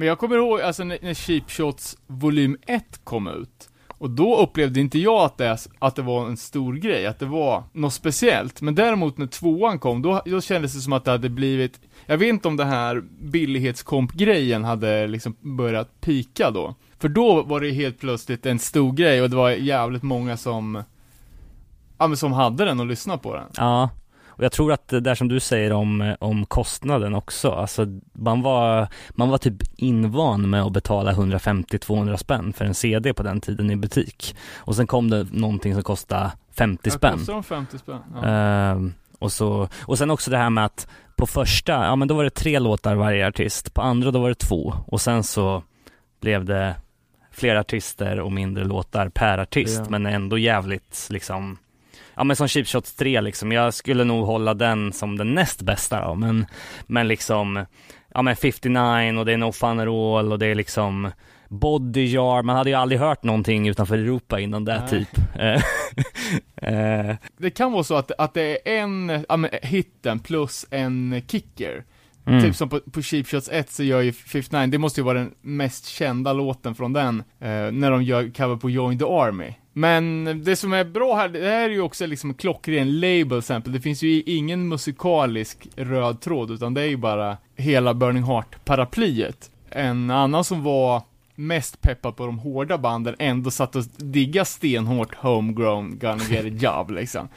Att de tvingades in i ens medvetande. Just det. Det slår mig nu när ni började snacka om kassetter också att på ett sätt är ju ett, ett klassiskt blandband mer likt en nutida playlist på Spotify där den är liksom kurerad med någon slags personlig eh, twist mer eller en personlig tråd rakt igenom. Där Mm. samlingar oftast ju är, en, är liksom en display från skivbolagen som buntas ihop lite hårdare och lite så här för att det är ju typ cheap shot och de där, det är ju tvära jävla kast ibland alltså från, Mm. från eh, Breach annans mixtape. Ja men typ från Breach till Chickenpox eller Det alltså Cheap Shots, Cheap Shots 4 tyckte jag var bra också, tänkte på nu när jag gick in, den lyssnade jag mycket på, det är fan Section 8 och Det är en bra monsterlåt där från andra albumet och sånt där Ja, verkligen. Och även eh, Peep Shows är ju, den låten är ju riktigt hård. mm. Eh, För att vara peep shows. ja, exakt. Där, Får jag säga, Cheap Shots 3 för mig hänger också väldigt mycket ihop med den här eh, VHS-samlingen som Flame Still Burns som Burning Heart släppte ungefär samtidigt också ju, för att det är videos till många av de låtarna som är med på själva samlingen också, det är som singlarna. Ja, Den har okej. jag nog kollat lika mycket på som jag har lyssnat på. Kommer ni ihåg Ja, den gråa? En annan grej, videokomps. Det tyckte man var jävligt där coolt fanns liten. Victory släppte ju en massa sådana också. Ja, för, ja, för jag då hade man har ju typ aldrig Cinema sett. Beer Nuts och Cinema Beer Goggles. Fan, man hade ju hur många som helst såna där. Ja. Mm. Eh, men min personliga favorit är ju Cheap Shots volym 2. Och det är ju nästan uteslutande för att jag tycker Raised Fist, det var, här var ju deras guldperiod. Eh, de gör ju eh, Maintain, som är osläppt tror jag, och sen en låt från eh, Stronger Than Ever, som är deras absoluta peak. Mm. Och jag lyssnar på den här nu i veckan, och det håller ju fo- fortfarande, alltså det, det är ett jävla sound som typ inte det är ju bara de som låter så. Eh, och det är inspelat av bland annat Pe- Pelle Gunderfelt uppe i en studio i Luleå. Hortlax Hardcore Studios. Exakt. Eh, men just också att låtmaterialet är ju så jävla, alltså det är catchy, och det är hooks, fast hårt och mörkt, men ändå är sången så jävla tydlig så att Ja. det blir liksom melodiöst ändå. Tänk på det här ändå, ni dissar Race Fist nere i söder jävligt mycket, men tänk vad jävla länge de har hållit på och vad jävla real de är om man jämför med folk som sitter och surar, men som har bytt eh, grej fram och tillbaka, fram och tillbaka. De här Race Fist-snubbarna eh, kom ändå från, fan, Hertsön, riktigt jävla härjigt uppe i Luleå och har bara fortsatt att spela hela, hela tiden, mata jävla hardcore, över, turnerar fortfarande och spelar liksom. Jag har haft mycket att göra med Bastard Burger-snubbarna nu som har växt upp med alla de här, för det slog mig bara, Race Fist förtjänar re- respekt fortfarande för att de bara Ja, nej men det, det styr är där lite slentriandiss på det här faktiskt. Men Raised Fist på den här tiden var ju mitt absoluta favoritband. Och vi köpte liksom alla tröjor som kom ut och det var ju hype som fan. Eh, En av mina önskningar är att de skulle släppa eh, Fuel-albumet igen, fast remasterad som helvete, typ trigga om alla trummorna, eh, rigga om alla gitarrerna, köra in dem igen, höja sången och allting, få det albumet och de låtarna med riktigt jävla kross ljud nu 2019. Det önskar jag. Eller att ljudet, ljudet från Ignoring the Guidelines som kommer efteråt på albumet Fuel önskar jag. Ja, Hör ni fan. det? Hertzön. Men eh, det är också intressant som du säger att de har hållit på så jävla länge. Alltså, det är ju ett band som också har lyckats återuppfinna sig själv i och med, eh, vad heter den, Sound of the Republic som kom 2008, eller något sånt där. Mm. Ja, jag, jag vet inte. Som är en klockren platta alltså, och det är många som man träffar fortfarande som säger så här, Åh, jag lyssnar på hardcore säger man. Jag bara, åh fan jag lyssnar på Raised Fist liksom. Och, och det är ändå det Mm. som är, alltså det är sjukt vad de har blivit, de är stora liksom De är inom, jävligt stora utomlands också. Ja. Många- Men det känns som att de har en helt annan publik än folk som oss. Ja, men och det är det, all, alla trångsynta håller på att dissa dem ju antagligen för att de blir såhär folkliga, eller såhär Exakt, jaha, hardcore for masses. Ja men sa, samma som man, när man dissar typ Hatebreed, att jaha, det här är vanligt folk som lyssnar på. Det är sån jävla, det är så, det är sån jävla äckligt såhär eh, klassförakt grej, såhär, jaha, killarna och tjejerna som bara dricker öl och ska lyssna på dem, de lyssnar, då ska inte jag lyssna. Som att man inte, för att de, de agerar ju som de viktigaste gatewaysarna till annan hardcore då som kommer. Man ska alltid vara tacksam för de här eh, som, som gör det, som kan engagera folk som kanske har ett annat liv också, som inte kan eller vill leva i lilla hardcore-scenen hela tiden. Man måste, men verkligen. det är ju en sån här liksom arbetarklass, överklassgrej liksom, som man håller Ja, på ja. att väja mellan. Ja, och jag, jag, jag håller med dig till fullo där, alltså, jag, blir, jag blev lite eftertänksam just nu i helgen när jag var, alltså så här. Dels eftersom vi pratade för några veckor sedan om att så här, oh, fan det var den fetaste spelningen på de senaste fem åren och det var 70 pers på den liksom. Eh, det är i relation till då att så här, är vi för trångsynta och för liksom, eh, för griniga inom hardcore? För att eh, Är det inte lite elitistiskt? Jo men exakt, jag menar, är det inte så? För att, jag menar typ, eh, jag var, nu i helgen var jag på så här elektrofest liksom. Där, där det var, ja men det var så här tio artister, min brorsa spelade liksom. Och det var ändå 600 pers där liksom. Visst, det kanske är som lockar, men, men ändå liksom så här, det är minimalistisk musik och det kommer ändå jävligt mycket folk. Så man undrar så här, hur kan man Ja, man, man, man börjar fundera på hur man kan vidga scenen Ja liksom. men allt är ju större än hardcore. Jo, exakt. Men en liten grej då, att det inte är ren elitism som, som gör att Raised Fist har sjunkit lite i graderna, för att nästan alla i vårt ursprungscrew har jobbat med Raised Fist på ett eller annat sätt, och det är inte, de är inte jättelätta att göra med, så man tappar lite pepp därifrån också. Men allmänt bara attityden då, den andra eh, attityden som man har. Ja, jag Helt förstår. Klart. Jag grävde fram min gamla Cheap Shots 2, den enda CD-skiva jag sparat. eh, på baksidan, jag har alltid trott att det var Jim Carrey som slog sönder den där Ninja Move eller vad fan han gör. Så jag kollar på den nu, det är inte ens närheten av likt det. Det är ju Daniel Tivemark som jobbar som merchare åt Millencolin och som är med på omslaget på ettan och sen följer med hela kompserien. Han är ju Mm, han är- trollkarlen med en liten hatt på trean och så vidare. Precis. Jaha, Och okej. han blev ju senare chef för Victory Records Europa. Oj. Eh, Jag har ju också en, en Hardcore for Masses story om ni pallar. Ja. Eh, Jag vart ju svindlad av en 12-åring. Va? Efter en midsommarfest, det kanske var, inte fan, hur gammal man var, kan de här vara släppta 96 eller någonting? Cheap Shots 2 är typ 96. Ja, det här, det, jag var vart svindlad på ettan och tvåan i alla fall. Eh, jag hade gömt eller glömt en, uh, en rygga med bärs efter en midsommarfest i någon buske någonstans. Eh, det här var ju en, det var ju typ dåtidens cleanaste modeaccessoar, den vinröda Acme-ryggan som jag fan dyrkade. Kom hem, och jag bara fan, det vart är min rygga liksom. Så jag drog tillbaka, eh, och så var det en massa kids som hängde där, dagen, dagen efter så här. Så bara, ah, jag vet vem som har det i ryggsäcken, som säger. Och så drar de fram något litet jävla as som har snott min rygga.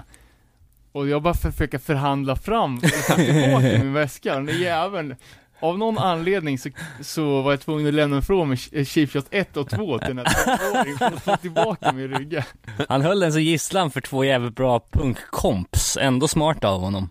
Ja, det är ett litet as. Eh, lite fakta då. Eh, Cheap Shots 1-3 sålde mellan 50 och 60 000 ex. Åh jävlar. Eh, Kan till och med vara så att det var 75 till 80 000 på den bäst säljande. Eh, Tvåan och trean sålde mest. Och ungefär 25 000 ex gick ut i Sverige och resten, ja, hamnar runt om i världen. Det är fan Wow. helt sjukt för att vara en svensk punkkomp liksom. Eh, Men säger också någonting om Burning Hearts storhet på den tiden. Ja. Dock det, Men det var ju alltid en i gänget som köpte den och resten band av skit. fattiga jävlar i Motala. Så det finns ett stort mörkertal där menar du? ja, förmodligen. Nej men om man tänker de andra billighetssamlingarna som till exempel Fat Music for Fat People eller Den har jag faktiskt med på min lista över favoriter. ja.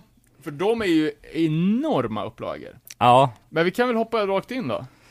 Eh, ja, Fat Music for Fat People, det är ju Fat Rec. Den här kom ut 94 och det är ju en punksamling, eh, jag tror att upp, det är ju så här, första i en lång serie av eh, så här, ordvitsar på, på liksom eh, olika grejer som de alltid har jobbat med egentligen. Så här, rakt nedåtgående led från Fat Mikes hela ideologi i livet känns det som. Men För det, ordvitsen är väl Rat Music for Rat People? Exakt. Eh, och uppföljaren heter ju Survival of the Fattest liksom, istället för Fittest. Så. Band vi hittar på den här samlingen då, Propagandi, Strung Out, eh, Lagwagon, No Use for a Name, Face to Face, Good Riddance, No Effects, 88 Fingers Louie och Rancid då. Eh, Och Rancid också som är lite, efter de släppte ju bara en singel, eh, Radio Radio Radio. Just Fat. Eh, och ändå så har de ju med, alltså de är ju ett av de största banden på, på kompen. Mm. Så det är smart av Fat Mike att ta Rancid-credden. Bästa Rancid-låtarna också. jag, kom, jag fick ner den här på typ Napster eller DC++ eller något liknande sådär som man tankar ner när man satt på modem. Eh, och eh, ja, jag kommer ihåg att eh, det var ju liksom de, det enda bandet jag hade hört innan eh, på den här då, det var ju NoFX. Så att, ehm, Ja. Jag köpte den på Vatten, eller inför NoFX-spelning på Vattenfestivalen 95 och då upplevde jag som att den var splitterny. mm, Men den kom ju året innan. okej. Så, Kanske inte till Sverige. ja exakt, Nej, saker precis. rörde sig långsamt på den tiden. Eh, läste även att den här, den ettan sålde i 200 000 ex. Jävlar. Men att eh, Fat Mike och company skickade ut 1000 ex till varje stad på NoFX, eh, en turné. Så att varje gång de kom till spelstället så hade de 1000 nya ex som de gav bort gratis. Ah, smart. Och då var ju kidsen hookade på alla Fat Records band efter det. Men, men jag tänker också att eh, eh, de, de, jo- Fat Wreck jobbar lite med den här som precis som Burning Heart gjorde med, med Cheap Shots, att så här, ja, eh, på uppföljaren då, Survival of the Fattest, då kunde man ändå liksom, man såg att det fanns NoFX, det fanns Lagwagon, det fanns eh, Good Riddance och så här, så man, man visste ändå att man fick lite bra grejer, men sen bara, jag hade ingen aning om Me First and the Gimme Gimmes eller eh, ja, de andra banden som är med. Sen har vi Extremt också, mycket så på Victory Style också. När man börjar komma upp mot Victory Style 5, den blåa, när det är typ Ringworm eh, och Bloodlet, och så är det också alla de här halvpoppiga banden som bara kom och gick, som är någon susfis i vinden, bara pop, deras popsatsning. Sjuka kast. Men jag sa Short Music for Short People också, 102 låtar under 30 sekunder. Ja, just det är helt omöjligt att lyssna på. Så även att det fanns någon eh, så här, tidig sjua med eh, typ, det var Spass och typ sån musik, Slap a Ham Records, 83 låtar på en sjua. Åh också jävlar. så här, 73 artister, 83 låtar på 10 minuter. Så jävla bra. En av de största, en av de mest hypade R&B hiphop-släppen förra året var en, en eh, tjej som heter Tierra Whack eh, från USA som släppte, e e egen släppte en, eh, ett album också där varje låt är bara 30 sekunder långt. Just sådär perfekt, perfekt inzoomat på sådär, eh, Spotify, klick, eh, scroll-generationen bara när hon vet att ingen kommer lyssna längre, det är bättre att släppa ett helt album med så här 30 sekunders låtar och så blev hon, fick alla hype bara just på det, det var så jävla genigrej. Fan, var det inte Hon någon kanske artist växte som upp släppte, med det. Var det inte någon artist som släppte en skiva på Instagram? Då är det typ Säkert. 15 sekunders klipp. Eller låtar. Ja, det är geni, kanske hon. Men jag har också tänkt på det att, för jag har ju haft jävligt svårt för samlingsplattor tills nyligen. Dels ur ett samlarperspektiv, att man vill liksom försöka dokumentera olika scener. Men också för det känns som att ens attention span i dessa, alltså den korta, det, det korta attention spanets eh, tidevarv liksom. Att det blir för mycket att lyssna på en hel fullis med ett Mm. band. Att man behöver samlingen sen. Ja. Verkligen. Så är det. Det är störigt Eh. att sortera in i skivhyllan. Eh, hade du någon sista favorit där, Mark? Jag har ju en sista som följer Cheap Shots eh, eh tåget kan vi säga. Den samlingen som Burning Heart släppte 98 som heter Still Screaming.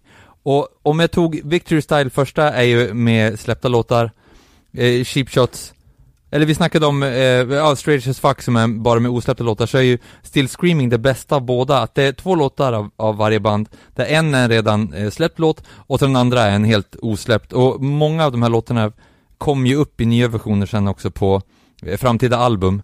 Det är Raised Fist är med, spelar Tribute eh, från Fuel och en, en demoversion av eh, en låt som heter Wheeling som kom sen på Ignoring the Guidelines. Nine är med med Damnation och en låt som heter Unity Inc som är en annan version. Eh, Abenanda är med med en osläppt låt som heter Top of the World.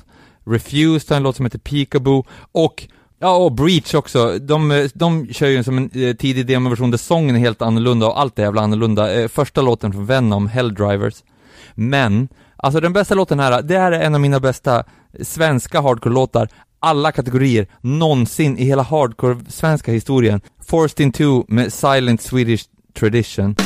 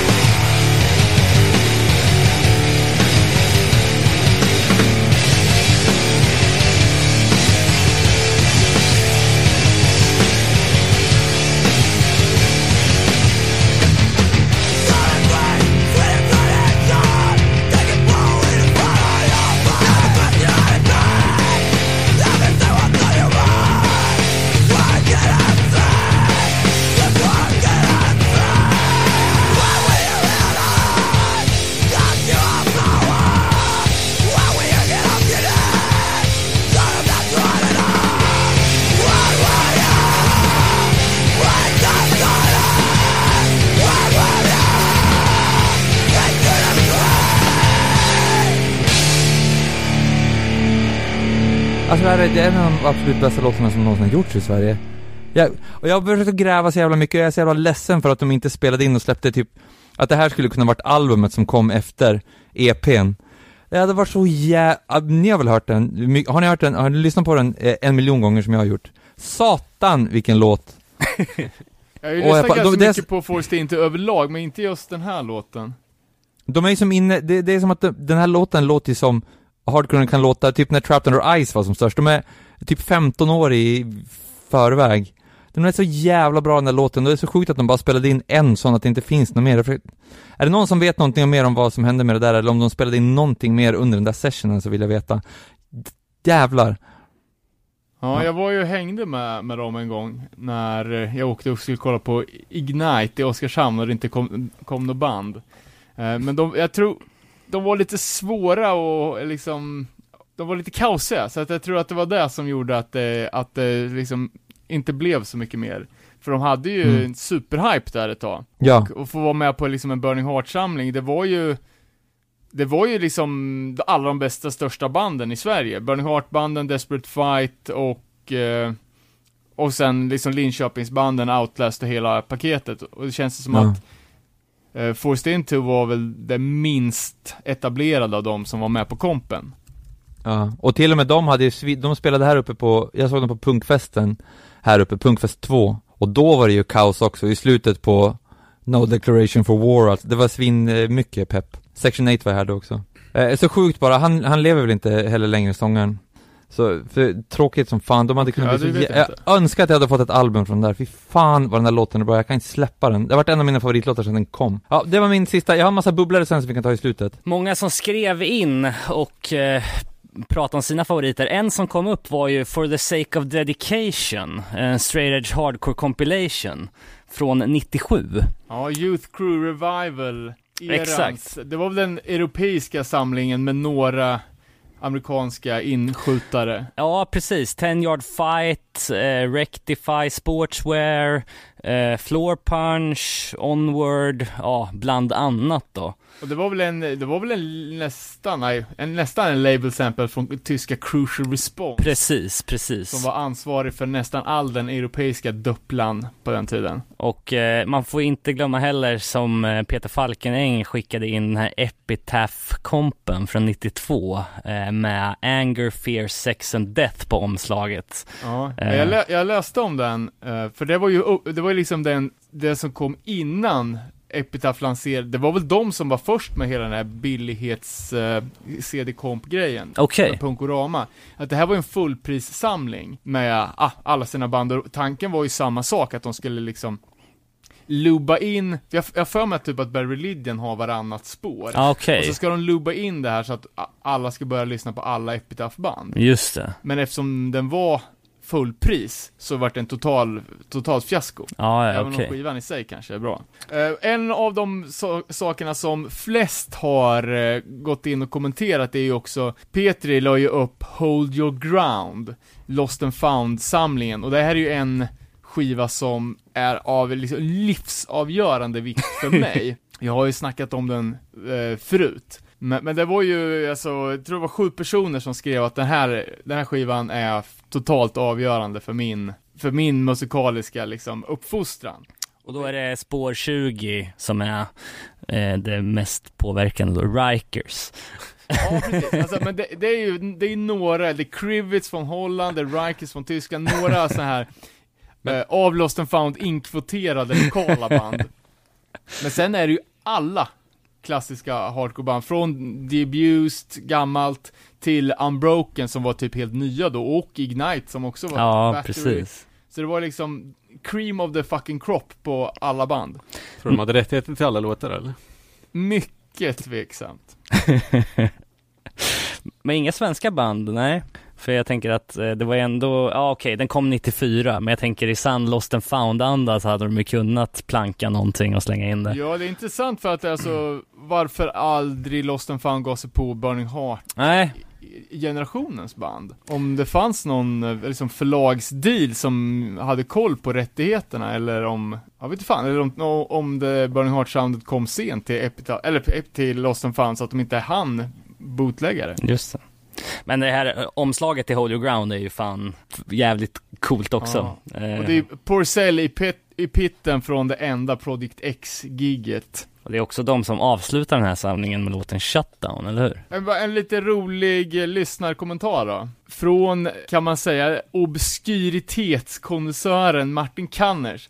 Som tipsar om lite eh, samlingsplattor som man absolut inte får missa. Riktiga klassiker. Till exempel Compilation 1, The Vauxhall Tracks Luton, sjuan.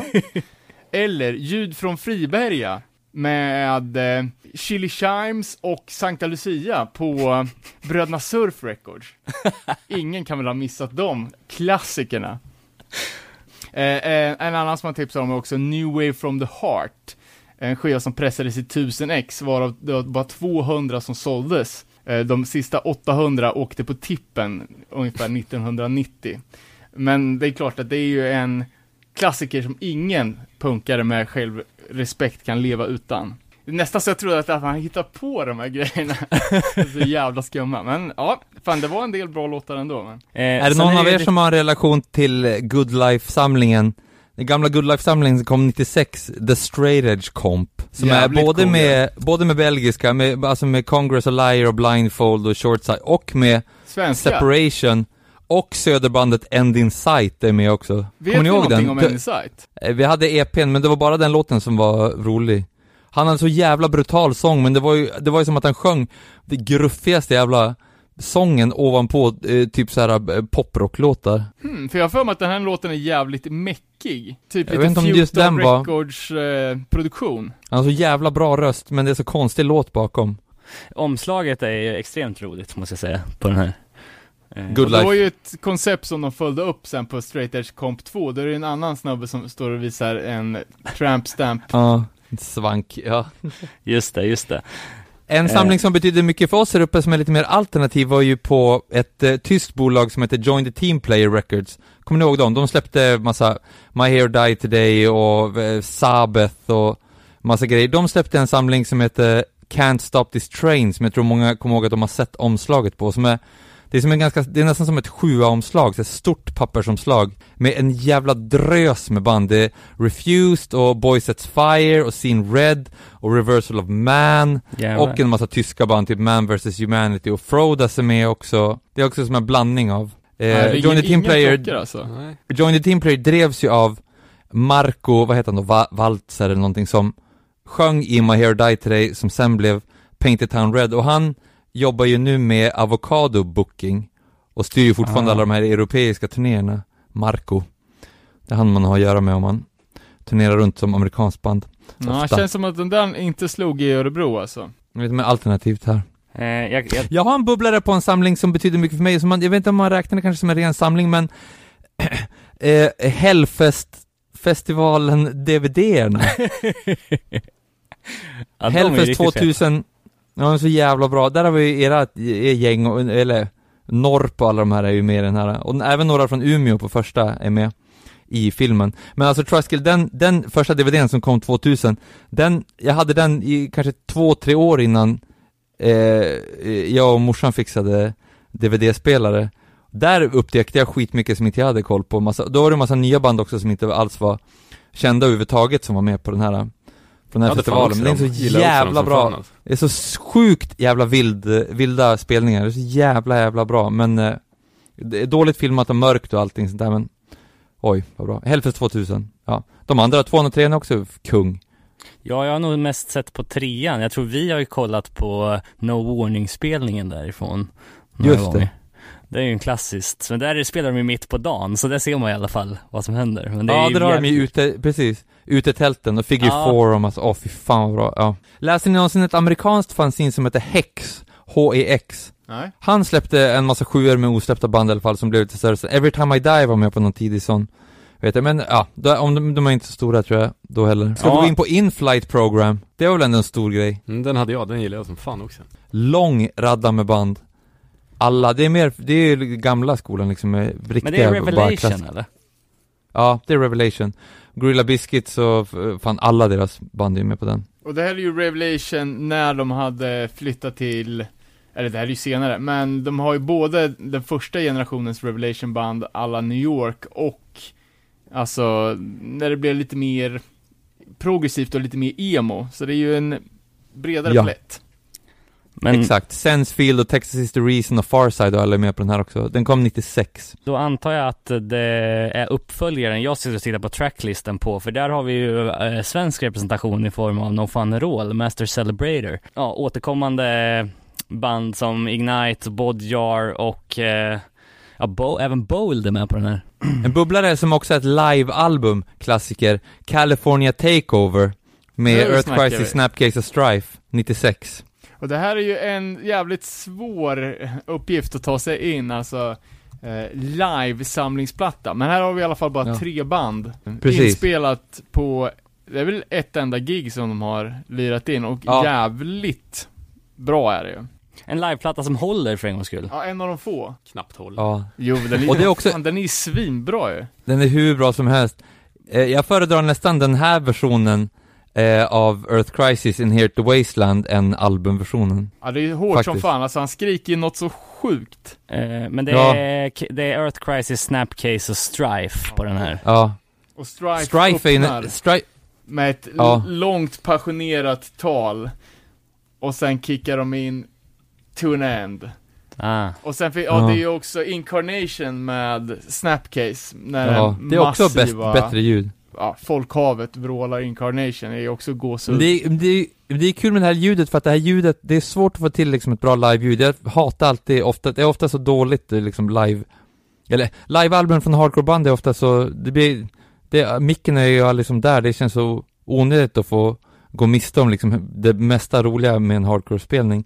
Men just på den här skivan är det så jävla bra ljud, det är fortfarande stökigt och såhär massa reverb och man hör att det är ett rum och man hör publik och allting, men det är fortfarande så hårt. Tror du de har mickat med- publiken? De måste, det är någonting som tar in en massa, massa mycket mer än vad du- Om man jämför eh, The Oath That Keeps Me Free, Earth Crisis Live-albumet och den här eh, På den, på, på Oath, där har man ju ingen publik nästan alls, helt knäpptyst med låten, det låter som att det inte är någon som är där, Ja, fem exakt. jag pers där tänkte att det inte ens var en, en live. Det, talet som är i början på Strife-låten också, det är nästan, eh, det var nästan det var en sån här grej som man ändå impade på, det var som en sån här eh, rite of passage, om man kunde ta hela talet, radda det. Ja, det är In this hardcore scene, there's a level of consciousness for and above that of the outside world. We educate ourselves through our lyrics, through our magazines, through our music, another, all with the focus, eller kind of focus, of forcing it. Och sen kör man. Of forcing it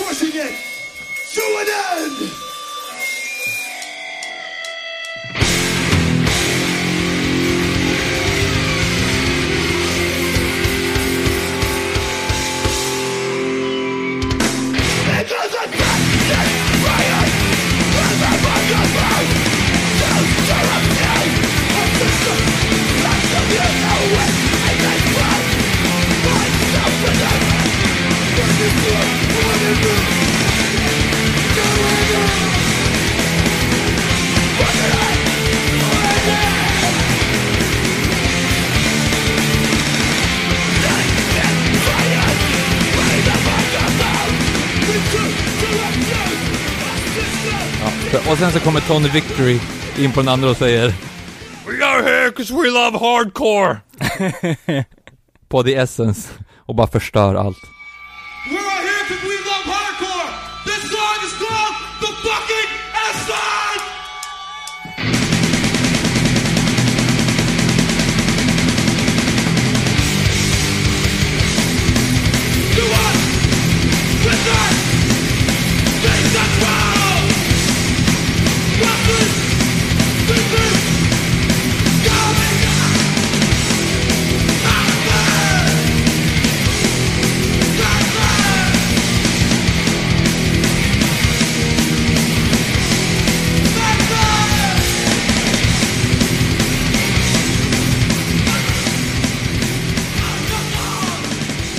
Kanske ska ta vidare då. The Essence eh, finns ju med i original på min favosamling. Eh, och det är ju Victory Records återigen, eh, femte släppet.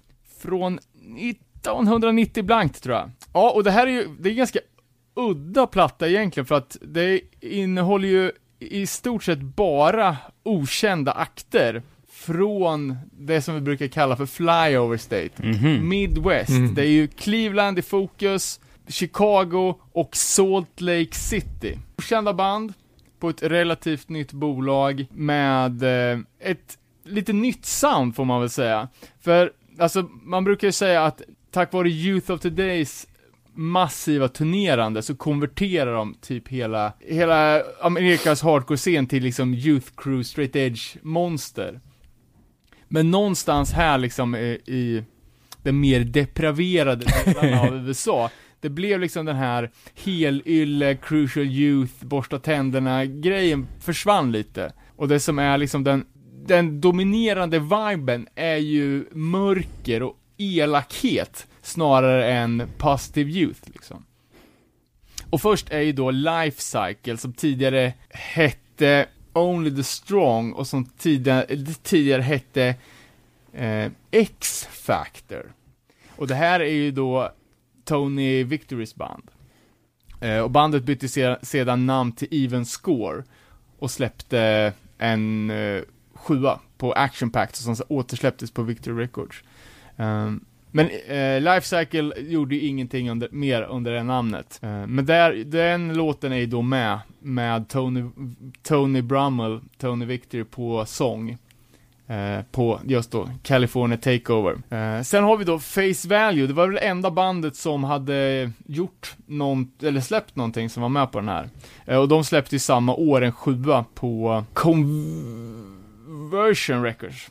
Eh, och det är ju ett eh, Clivo-band, eh, innan de, eh, alltså det här är medan de fortfarande är lite så här Clivo-onda. Tänk Confront-stuket. Eh, och vi har ju diskuterat Face Value tidigare, jag sa ju vid något tillfälle att det inte är Tony Urba som sjunger, trots att det står så på skivan, utan att det istället skulle vara Don Foos som sjunger. Men sen när jag, när jag, när jag blev rättad på det här kunde jag inte hitta min källa, så jag vet inte fan hur, hur det var med det där.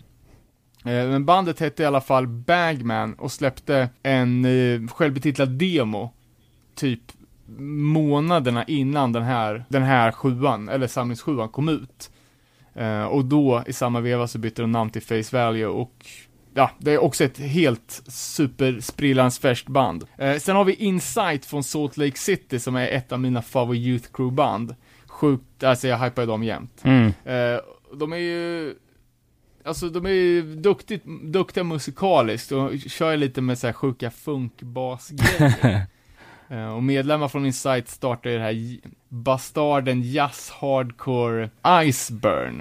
Eller Iceburn Collective som de heter sen. Eh, sen har vi ju Confront med osläppta låten One Life Drug Free. Eh, och det här var ju, jag, jag tror att de här grejerna redan var, var inspelade, men sen så blev ju uppföljaren deras självbetitlade, eller deras Payday 7 som är någon sorts Alltså, det är väl en holy grail för folk som gillar sån här straight edge hardcore helt enkelt. Eh, och så har vi Mean Streak med eh, Steve Murad på sång, som ni kanske känner igen. Eh, det här var ju ett band som också bara släppte den här låten under den här sättningen. Och några år senare med annat folk så släppte de någon sorts thrash metal-CD. Och sist ut, om jag inte minns fel, så är ju Integrity med superlåten Darkness. Skriven av geniet Aron Melnick.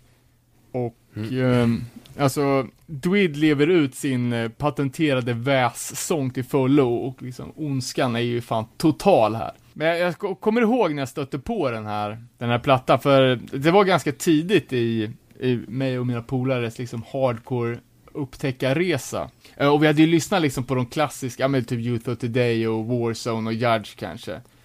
Eh, men man köpte ju det man kom över liksom. Så jag kommer ihåg att min, min polare Linus hade den här skivan och omslaget är ju ganska intetsägande. Det är nog Va, jag tycker det är skitsnyggt. intressant. Jag tycker att det är helt uh, bärst. För det är en sån här oskarp bild på Sankt Göran och draken tror jag, eller någon, någon riddare till häst i alla fall som, som lansar ihjäl en, en drake. Men man ser typ inte riktigt vad det är heller för att det är så jävla oskarpt foto. Eller vad, vad fan man ska säga, print. Men däremot, man vänder på skivan så ser man en helt jävla galen skinnskalle med Krishna beads som har en Chicago Blackhawks typ jersey med en Jason Musk på.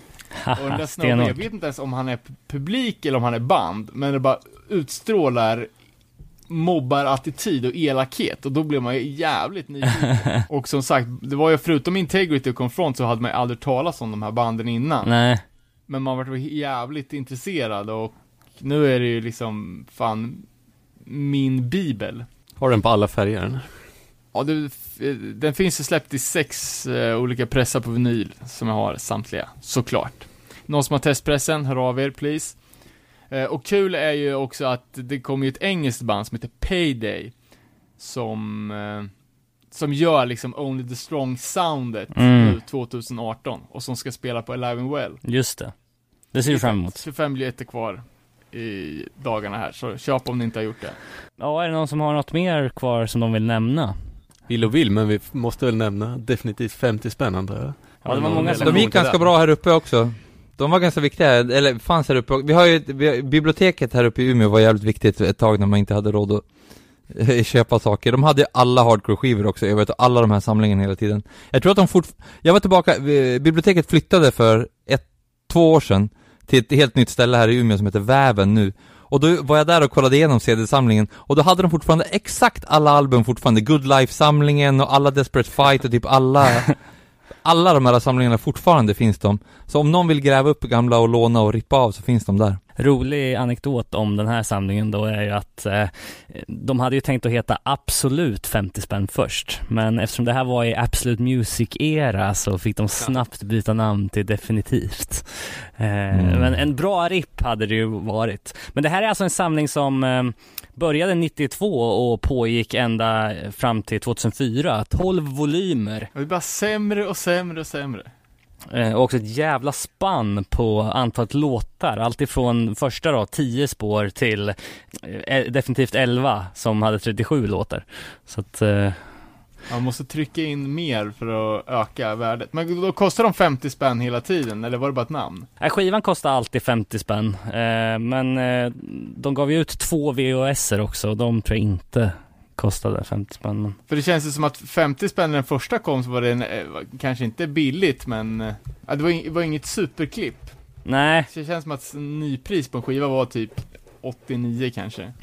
Men att det på, på slutet, eh, att det blev 30, 38 låtar för 50 spänn var ju billigt som fan. ja, ja, jävligt många klassiska punkband, alltså Karta 77, Lyckliga kompisarna, Strebers, ja, Coca att de var jätteviktiga för vissa. Ja, ja, ja, verkligen. Vad kul som du berättade David, när du lyssnade på dem här i veckan. Att jag var tvungen att stänga balkongdörren för jag inte ville att grannarna skulle höra Varför hur, hur skevt det lät. Det är så jävla dåligt. Sla- Slash att det låter lite nazi ibland tycker jag. Men vilken lyssnar du på då? Började väl från början, så gick det jävligt fort. Ja, nej men alltså det är väl eh, den här definitivt 50 spänn, de går väl lite, eh, ja det är lite grövre måste jag säga, mycket grövre men men det kom ju ett jävla antal sådana där plattor på 90-talet, alltså utöver typ Röja-skivan var ju också där tre volymer med, med lite mer fokus på supa kanske i dem, men eh, det känns som att det finns lika många hardcore, alltså lika många hardcore compilations som kom ut på 90-talet. Det finns tre gånger så många fulpunks compilations som kom ut samma Fanns det inte något som hette ägg någonting? Äggröra. Äggröran ja, Äggröra. precis. Som Egg Tapes and Records. ja, ingen koll på det. Men du Mark, en Norrlandssamling då, som jag tyckte var jävligt cool. Eh, Salmons of Hort. Det, vem har, det har jag tror inte jag någon eh, relation till. Hmm. För den var ju Sound- jävligt, alltså det är ju lite, lite av de smalare skatepunk-ish banden. Eh, avslutas av Millencolin som, som kör en scumbag superdong cover. Eh, men det här kändes ju som att det var konnässörs-skate på något sätt. Eh, ja, vi visste ju att Millencolins favoritband var ju, var ju Superdong, och de öppnar jag tror det är typ enda låten de har släppt förutom på kassett. Jaha. Så det här var lite så här eh, konnässör gold för, för oss Mm. skatepunk kids. Sen är ju ett band som heter Lapdog som vi diggar som fan. Eh, men även, om jag inte minns fel så, fan är inte Stone som har med en, en, eh, typ Pizza Pete-låt på den här, som också har lubat sig in och blivit en favorit bara för att den har varit bra sällskap. Eh, men om det inte är någon mer som har lyssnat på den så är det ingen idé att snöa in för mycket på det. Men om man ska gå in på vad, vad, eh, hur är samlingsskivans framtid då? Finns det någon idé att släppa? Skulle Nere på Noll eh, kunna släppa en samling? Är det det det här kommer resultera i? Att ni styr ihop en, en klassisk komp nu med, med aktuella band? Det var ju faktiskt någon som sa det, att vi borde göra det. Och jag och Linus pratade om att vi skulle göra någon svensk så här, mixtape en gång i tiden. Eh, Med de nya... Det hade varit jävligt kul, jag hade gärna sett det. Det är ju en skön motreaktion också med tanke på att eh, de flesta samlingsplattorna som släpps idag, det är ju liksom eh, antingen en eh, gemensam playlist på, på Spotify eller eh, några band som går ihop och, och lägger upp det digitalt liksom. Men det är ju ingenting som släpps fysiskt längre vad jag vet. Det är väl, eh, i modern tid så är det väl bara reissues liksom. Ja, av gamla grejer. sånt. Mm. Nej men alltså en grej som var, som, som inte gäller längre, men som var då, är liksom för, för, för länge sedan, innan den digitala eran. Ehm, och i början på punken också, att banden inte hade möjlighet att släppa. De hade inte råd att eh, göra en egen sjua, alternativt att de inte hade låtmaterial. Nej, så för att få ut någonting överhuvudtaget så fick man gå ihop med sina nära och kära och göra en grej tillsammans. Men nu när både inspelningar och eh, att släppa det digitalt kan göras typ gratis, så är det behovet inte, det, det finns ju inte längre. Men sen är det, Det är kul, jävligt för om- nice att dokumentera, liksom en tid och en plats. Mm. Men frågan är om eh, det är så många som håller med om det. Man kanske kan göra det i samband med festival, det är kanske så, typ eh, Alive and Well skulle ha släppt en samling eh, ett halvår innan festivalen är med banden som ska vara med och sånt där. Det där kanske det fortfarande finns en anledning för att provo- promota ett, ett visst event också och göra folk redo för. Ja, men Ja, precis. det är ju bra idé. Ja, faktiskt. Det slog mig också det vi snackade om, eh, man jämför ofta hiphop och, och hardcore, hur man eh, tar ut det där också, och nu aktuellt med avsnittet ni hade innan. Men där man ofta pratar om att hardcore är ganska dåliga på att in, ja, det, det har väl gått olika perioder också mellan olika band, men att man, det är inte jätte det är inte liksom som på en del eh, hiphop-album att det är gäster på varje låt. Nej. Men däremot då just att man, att man istället, då är det mycket, mycket vanligare att släppa splittar. Det är ju inte vanligt med en hiphop-split, liksom att det är A och B-sida med två olika artister som har gått ihop för att, utan då är det snarare att man hoppar in direkt på låten, att man har 20 av, 20 olika gästspots istället på sitt album. Och medan eh, hardcore punkband är mer av en tradition då att man går ihop eller man släpper såna här komps. För det finns ju inte heller inom liksom klassisk hiphop att det skulle funnits ett, eh, så här, en New York hiphop-komp. Det gör inte det? 100% att Nej. det finns dansbandskomps. Det måste det göra. Jag har aldrig reflekterat över, men eh, det känns ju som det. Men alltså, det, det är ju någonting man skulle vilja se mer av inom... Dansbandskomps. Eh, Nej, eh, i, i svensk och ja, i internationell hardcore så är det ju rätt förekommande. Eh, men, men inom svensk i alla fall att det blir lite mer eh, feats, liksom gästspel på de olika släppen liksom. Men du, vet du vad vi, vet du vad vi ska docka upp? Ett, en, ett aktuellt komp som bara kom nu, vad, vadå, förra veckan? Den här eh, eh, tv-kanalen Adult Swim har ju hållit på att släppa en massa osläppta låtar med eh, massa hardcore-artister, bland annat ju, och alternativa. De släppte ju precis så en, en samling med osläppta låtar som är exklusivt eh, för, eh, för dem Hmm. bara förra veckan, en, en, en eh, samling som heter Adult Swims Metal Swim 2. Okej. Och det är ju fullt med, fullt, de har släppt ut små singlar under hela året. Det, det är ju med typ Oathbreaker och um, Baroness, uh, Sun, oh, du vet om The Body, Ja. Vile Creature, I Hate God.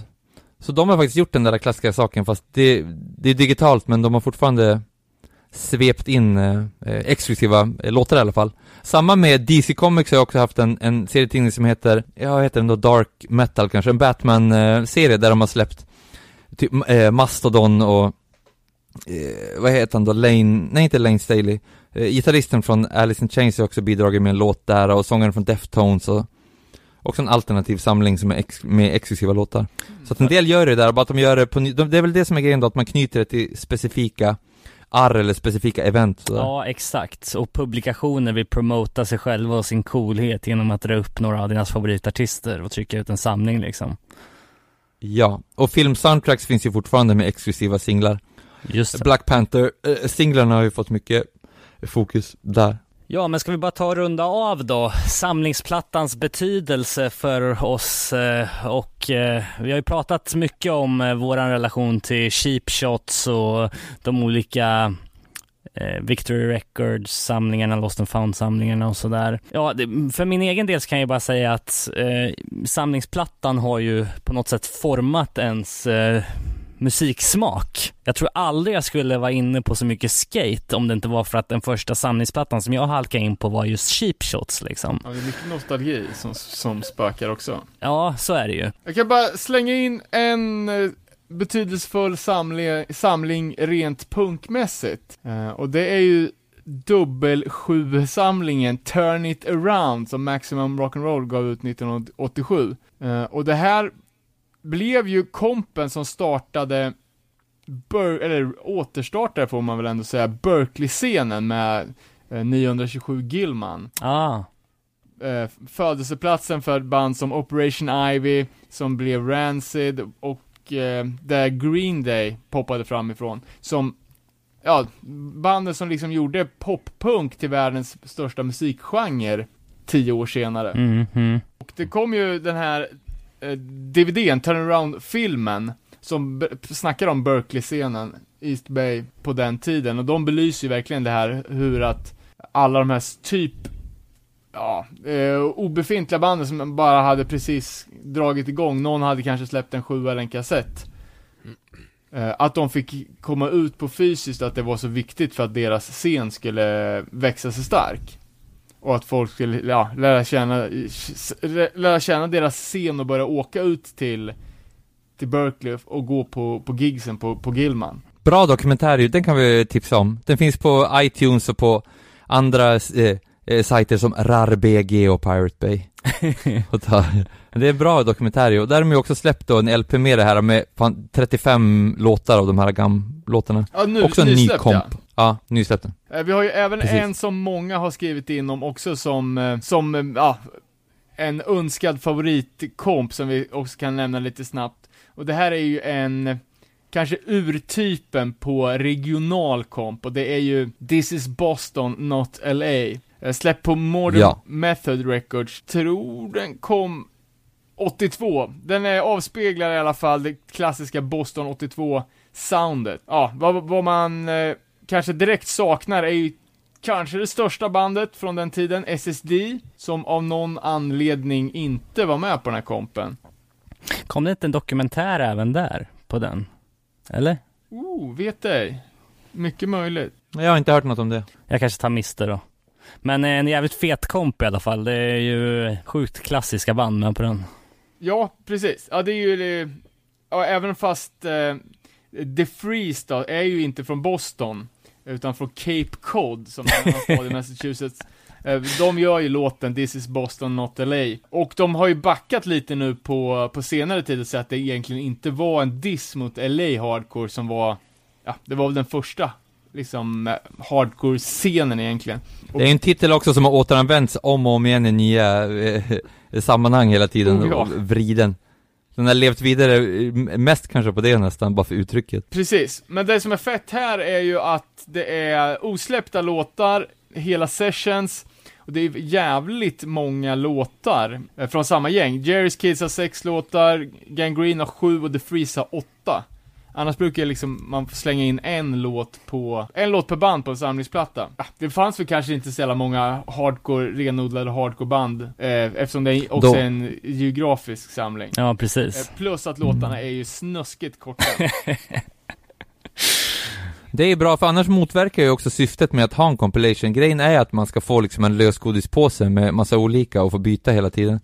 Men eh, annars där blir det bara som en split annars. Ja, exakt. Uh, läste även att eh, Jerry's Kids har ju sex låtar med på, på, på den här kompen, men att det finns, att det spelades in 12 låtar i samma session. Att, jag vet inte fan vart de, de andra sex tog vägen, om de finns på någon sorts bootleg kanske. Jo, att det, ett halvår senare så kom det ju en uppföljar sjua med i jag tror det är sa- samma lineup eh, som heter Unsafe at Any Speed.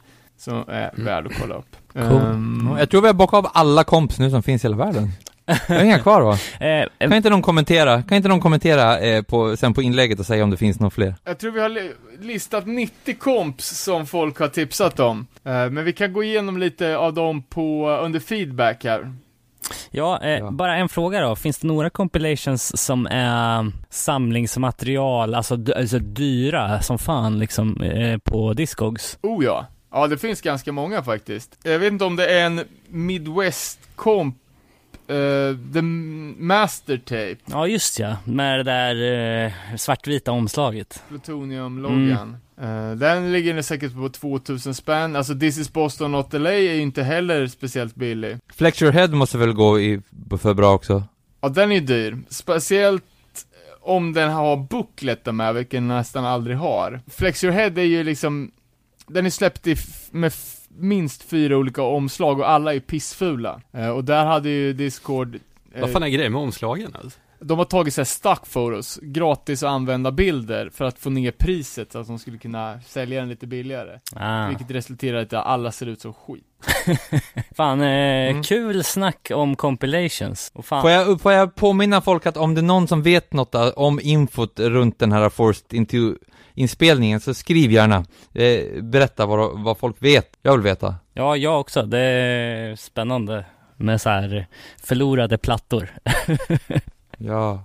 Tack för att jag fick komma och vara med och hänga med er. Tusen tack! Ja, att Stort du tack. hjälper oss med det mesta. puss. Jag, eh, jag gör ju det här, jag spelar ju en massa skit på eh, P3 på tisdagskvällar också, om man vill lyssna på det här vi snackar om, det är ju som en motsvarighet nästan en gammal dammig grej att det är någon annan som bestämmer vad man ska lyssna på. Det har ju lite samma funktion, radio. Du är ju en sammans, samlingsplatta varje vecka. Exakt. Har du någon ny musik man höra på det gång? är det tis, tis, vadå, jag ja, själv? Ja, Jag är inget att avslöja än. spännande. Kan, det kan, det kan finnas saker som ligger här och bara bubblar. Fett! Ja men eh, fan alltid lika kul att höra din röst Mark. Eh, vi tackar som fan och så får du det så bra så ses vi på Alive and Well kanske. ja, det gör vi definitivt. Där kommer jag stå och serva läsk. Puss på er, jag älskar er. Ha det bra! Ha det bra, hej då! Hej!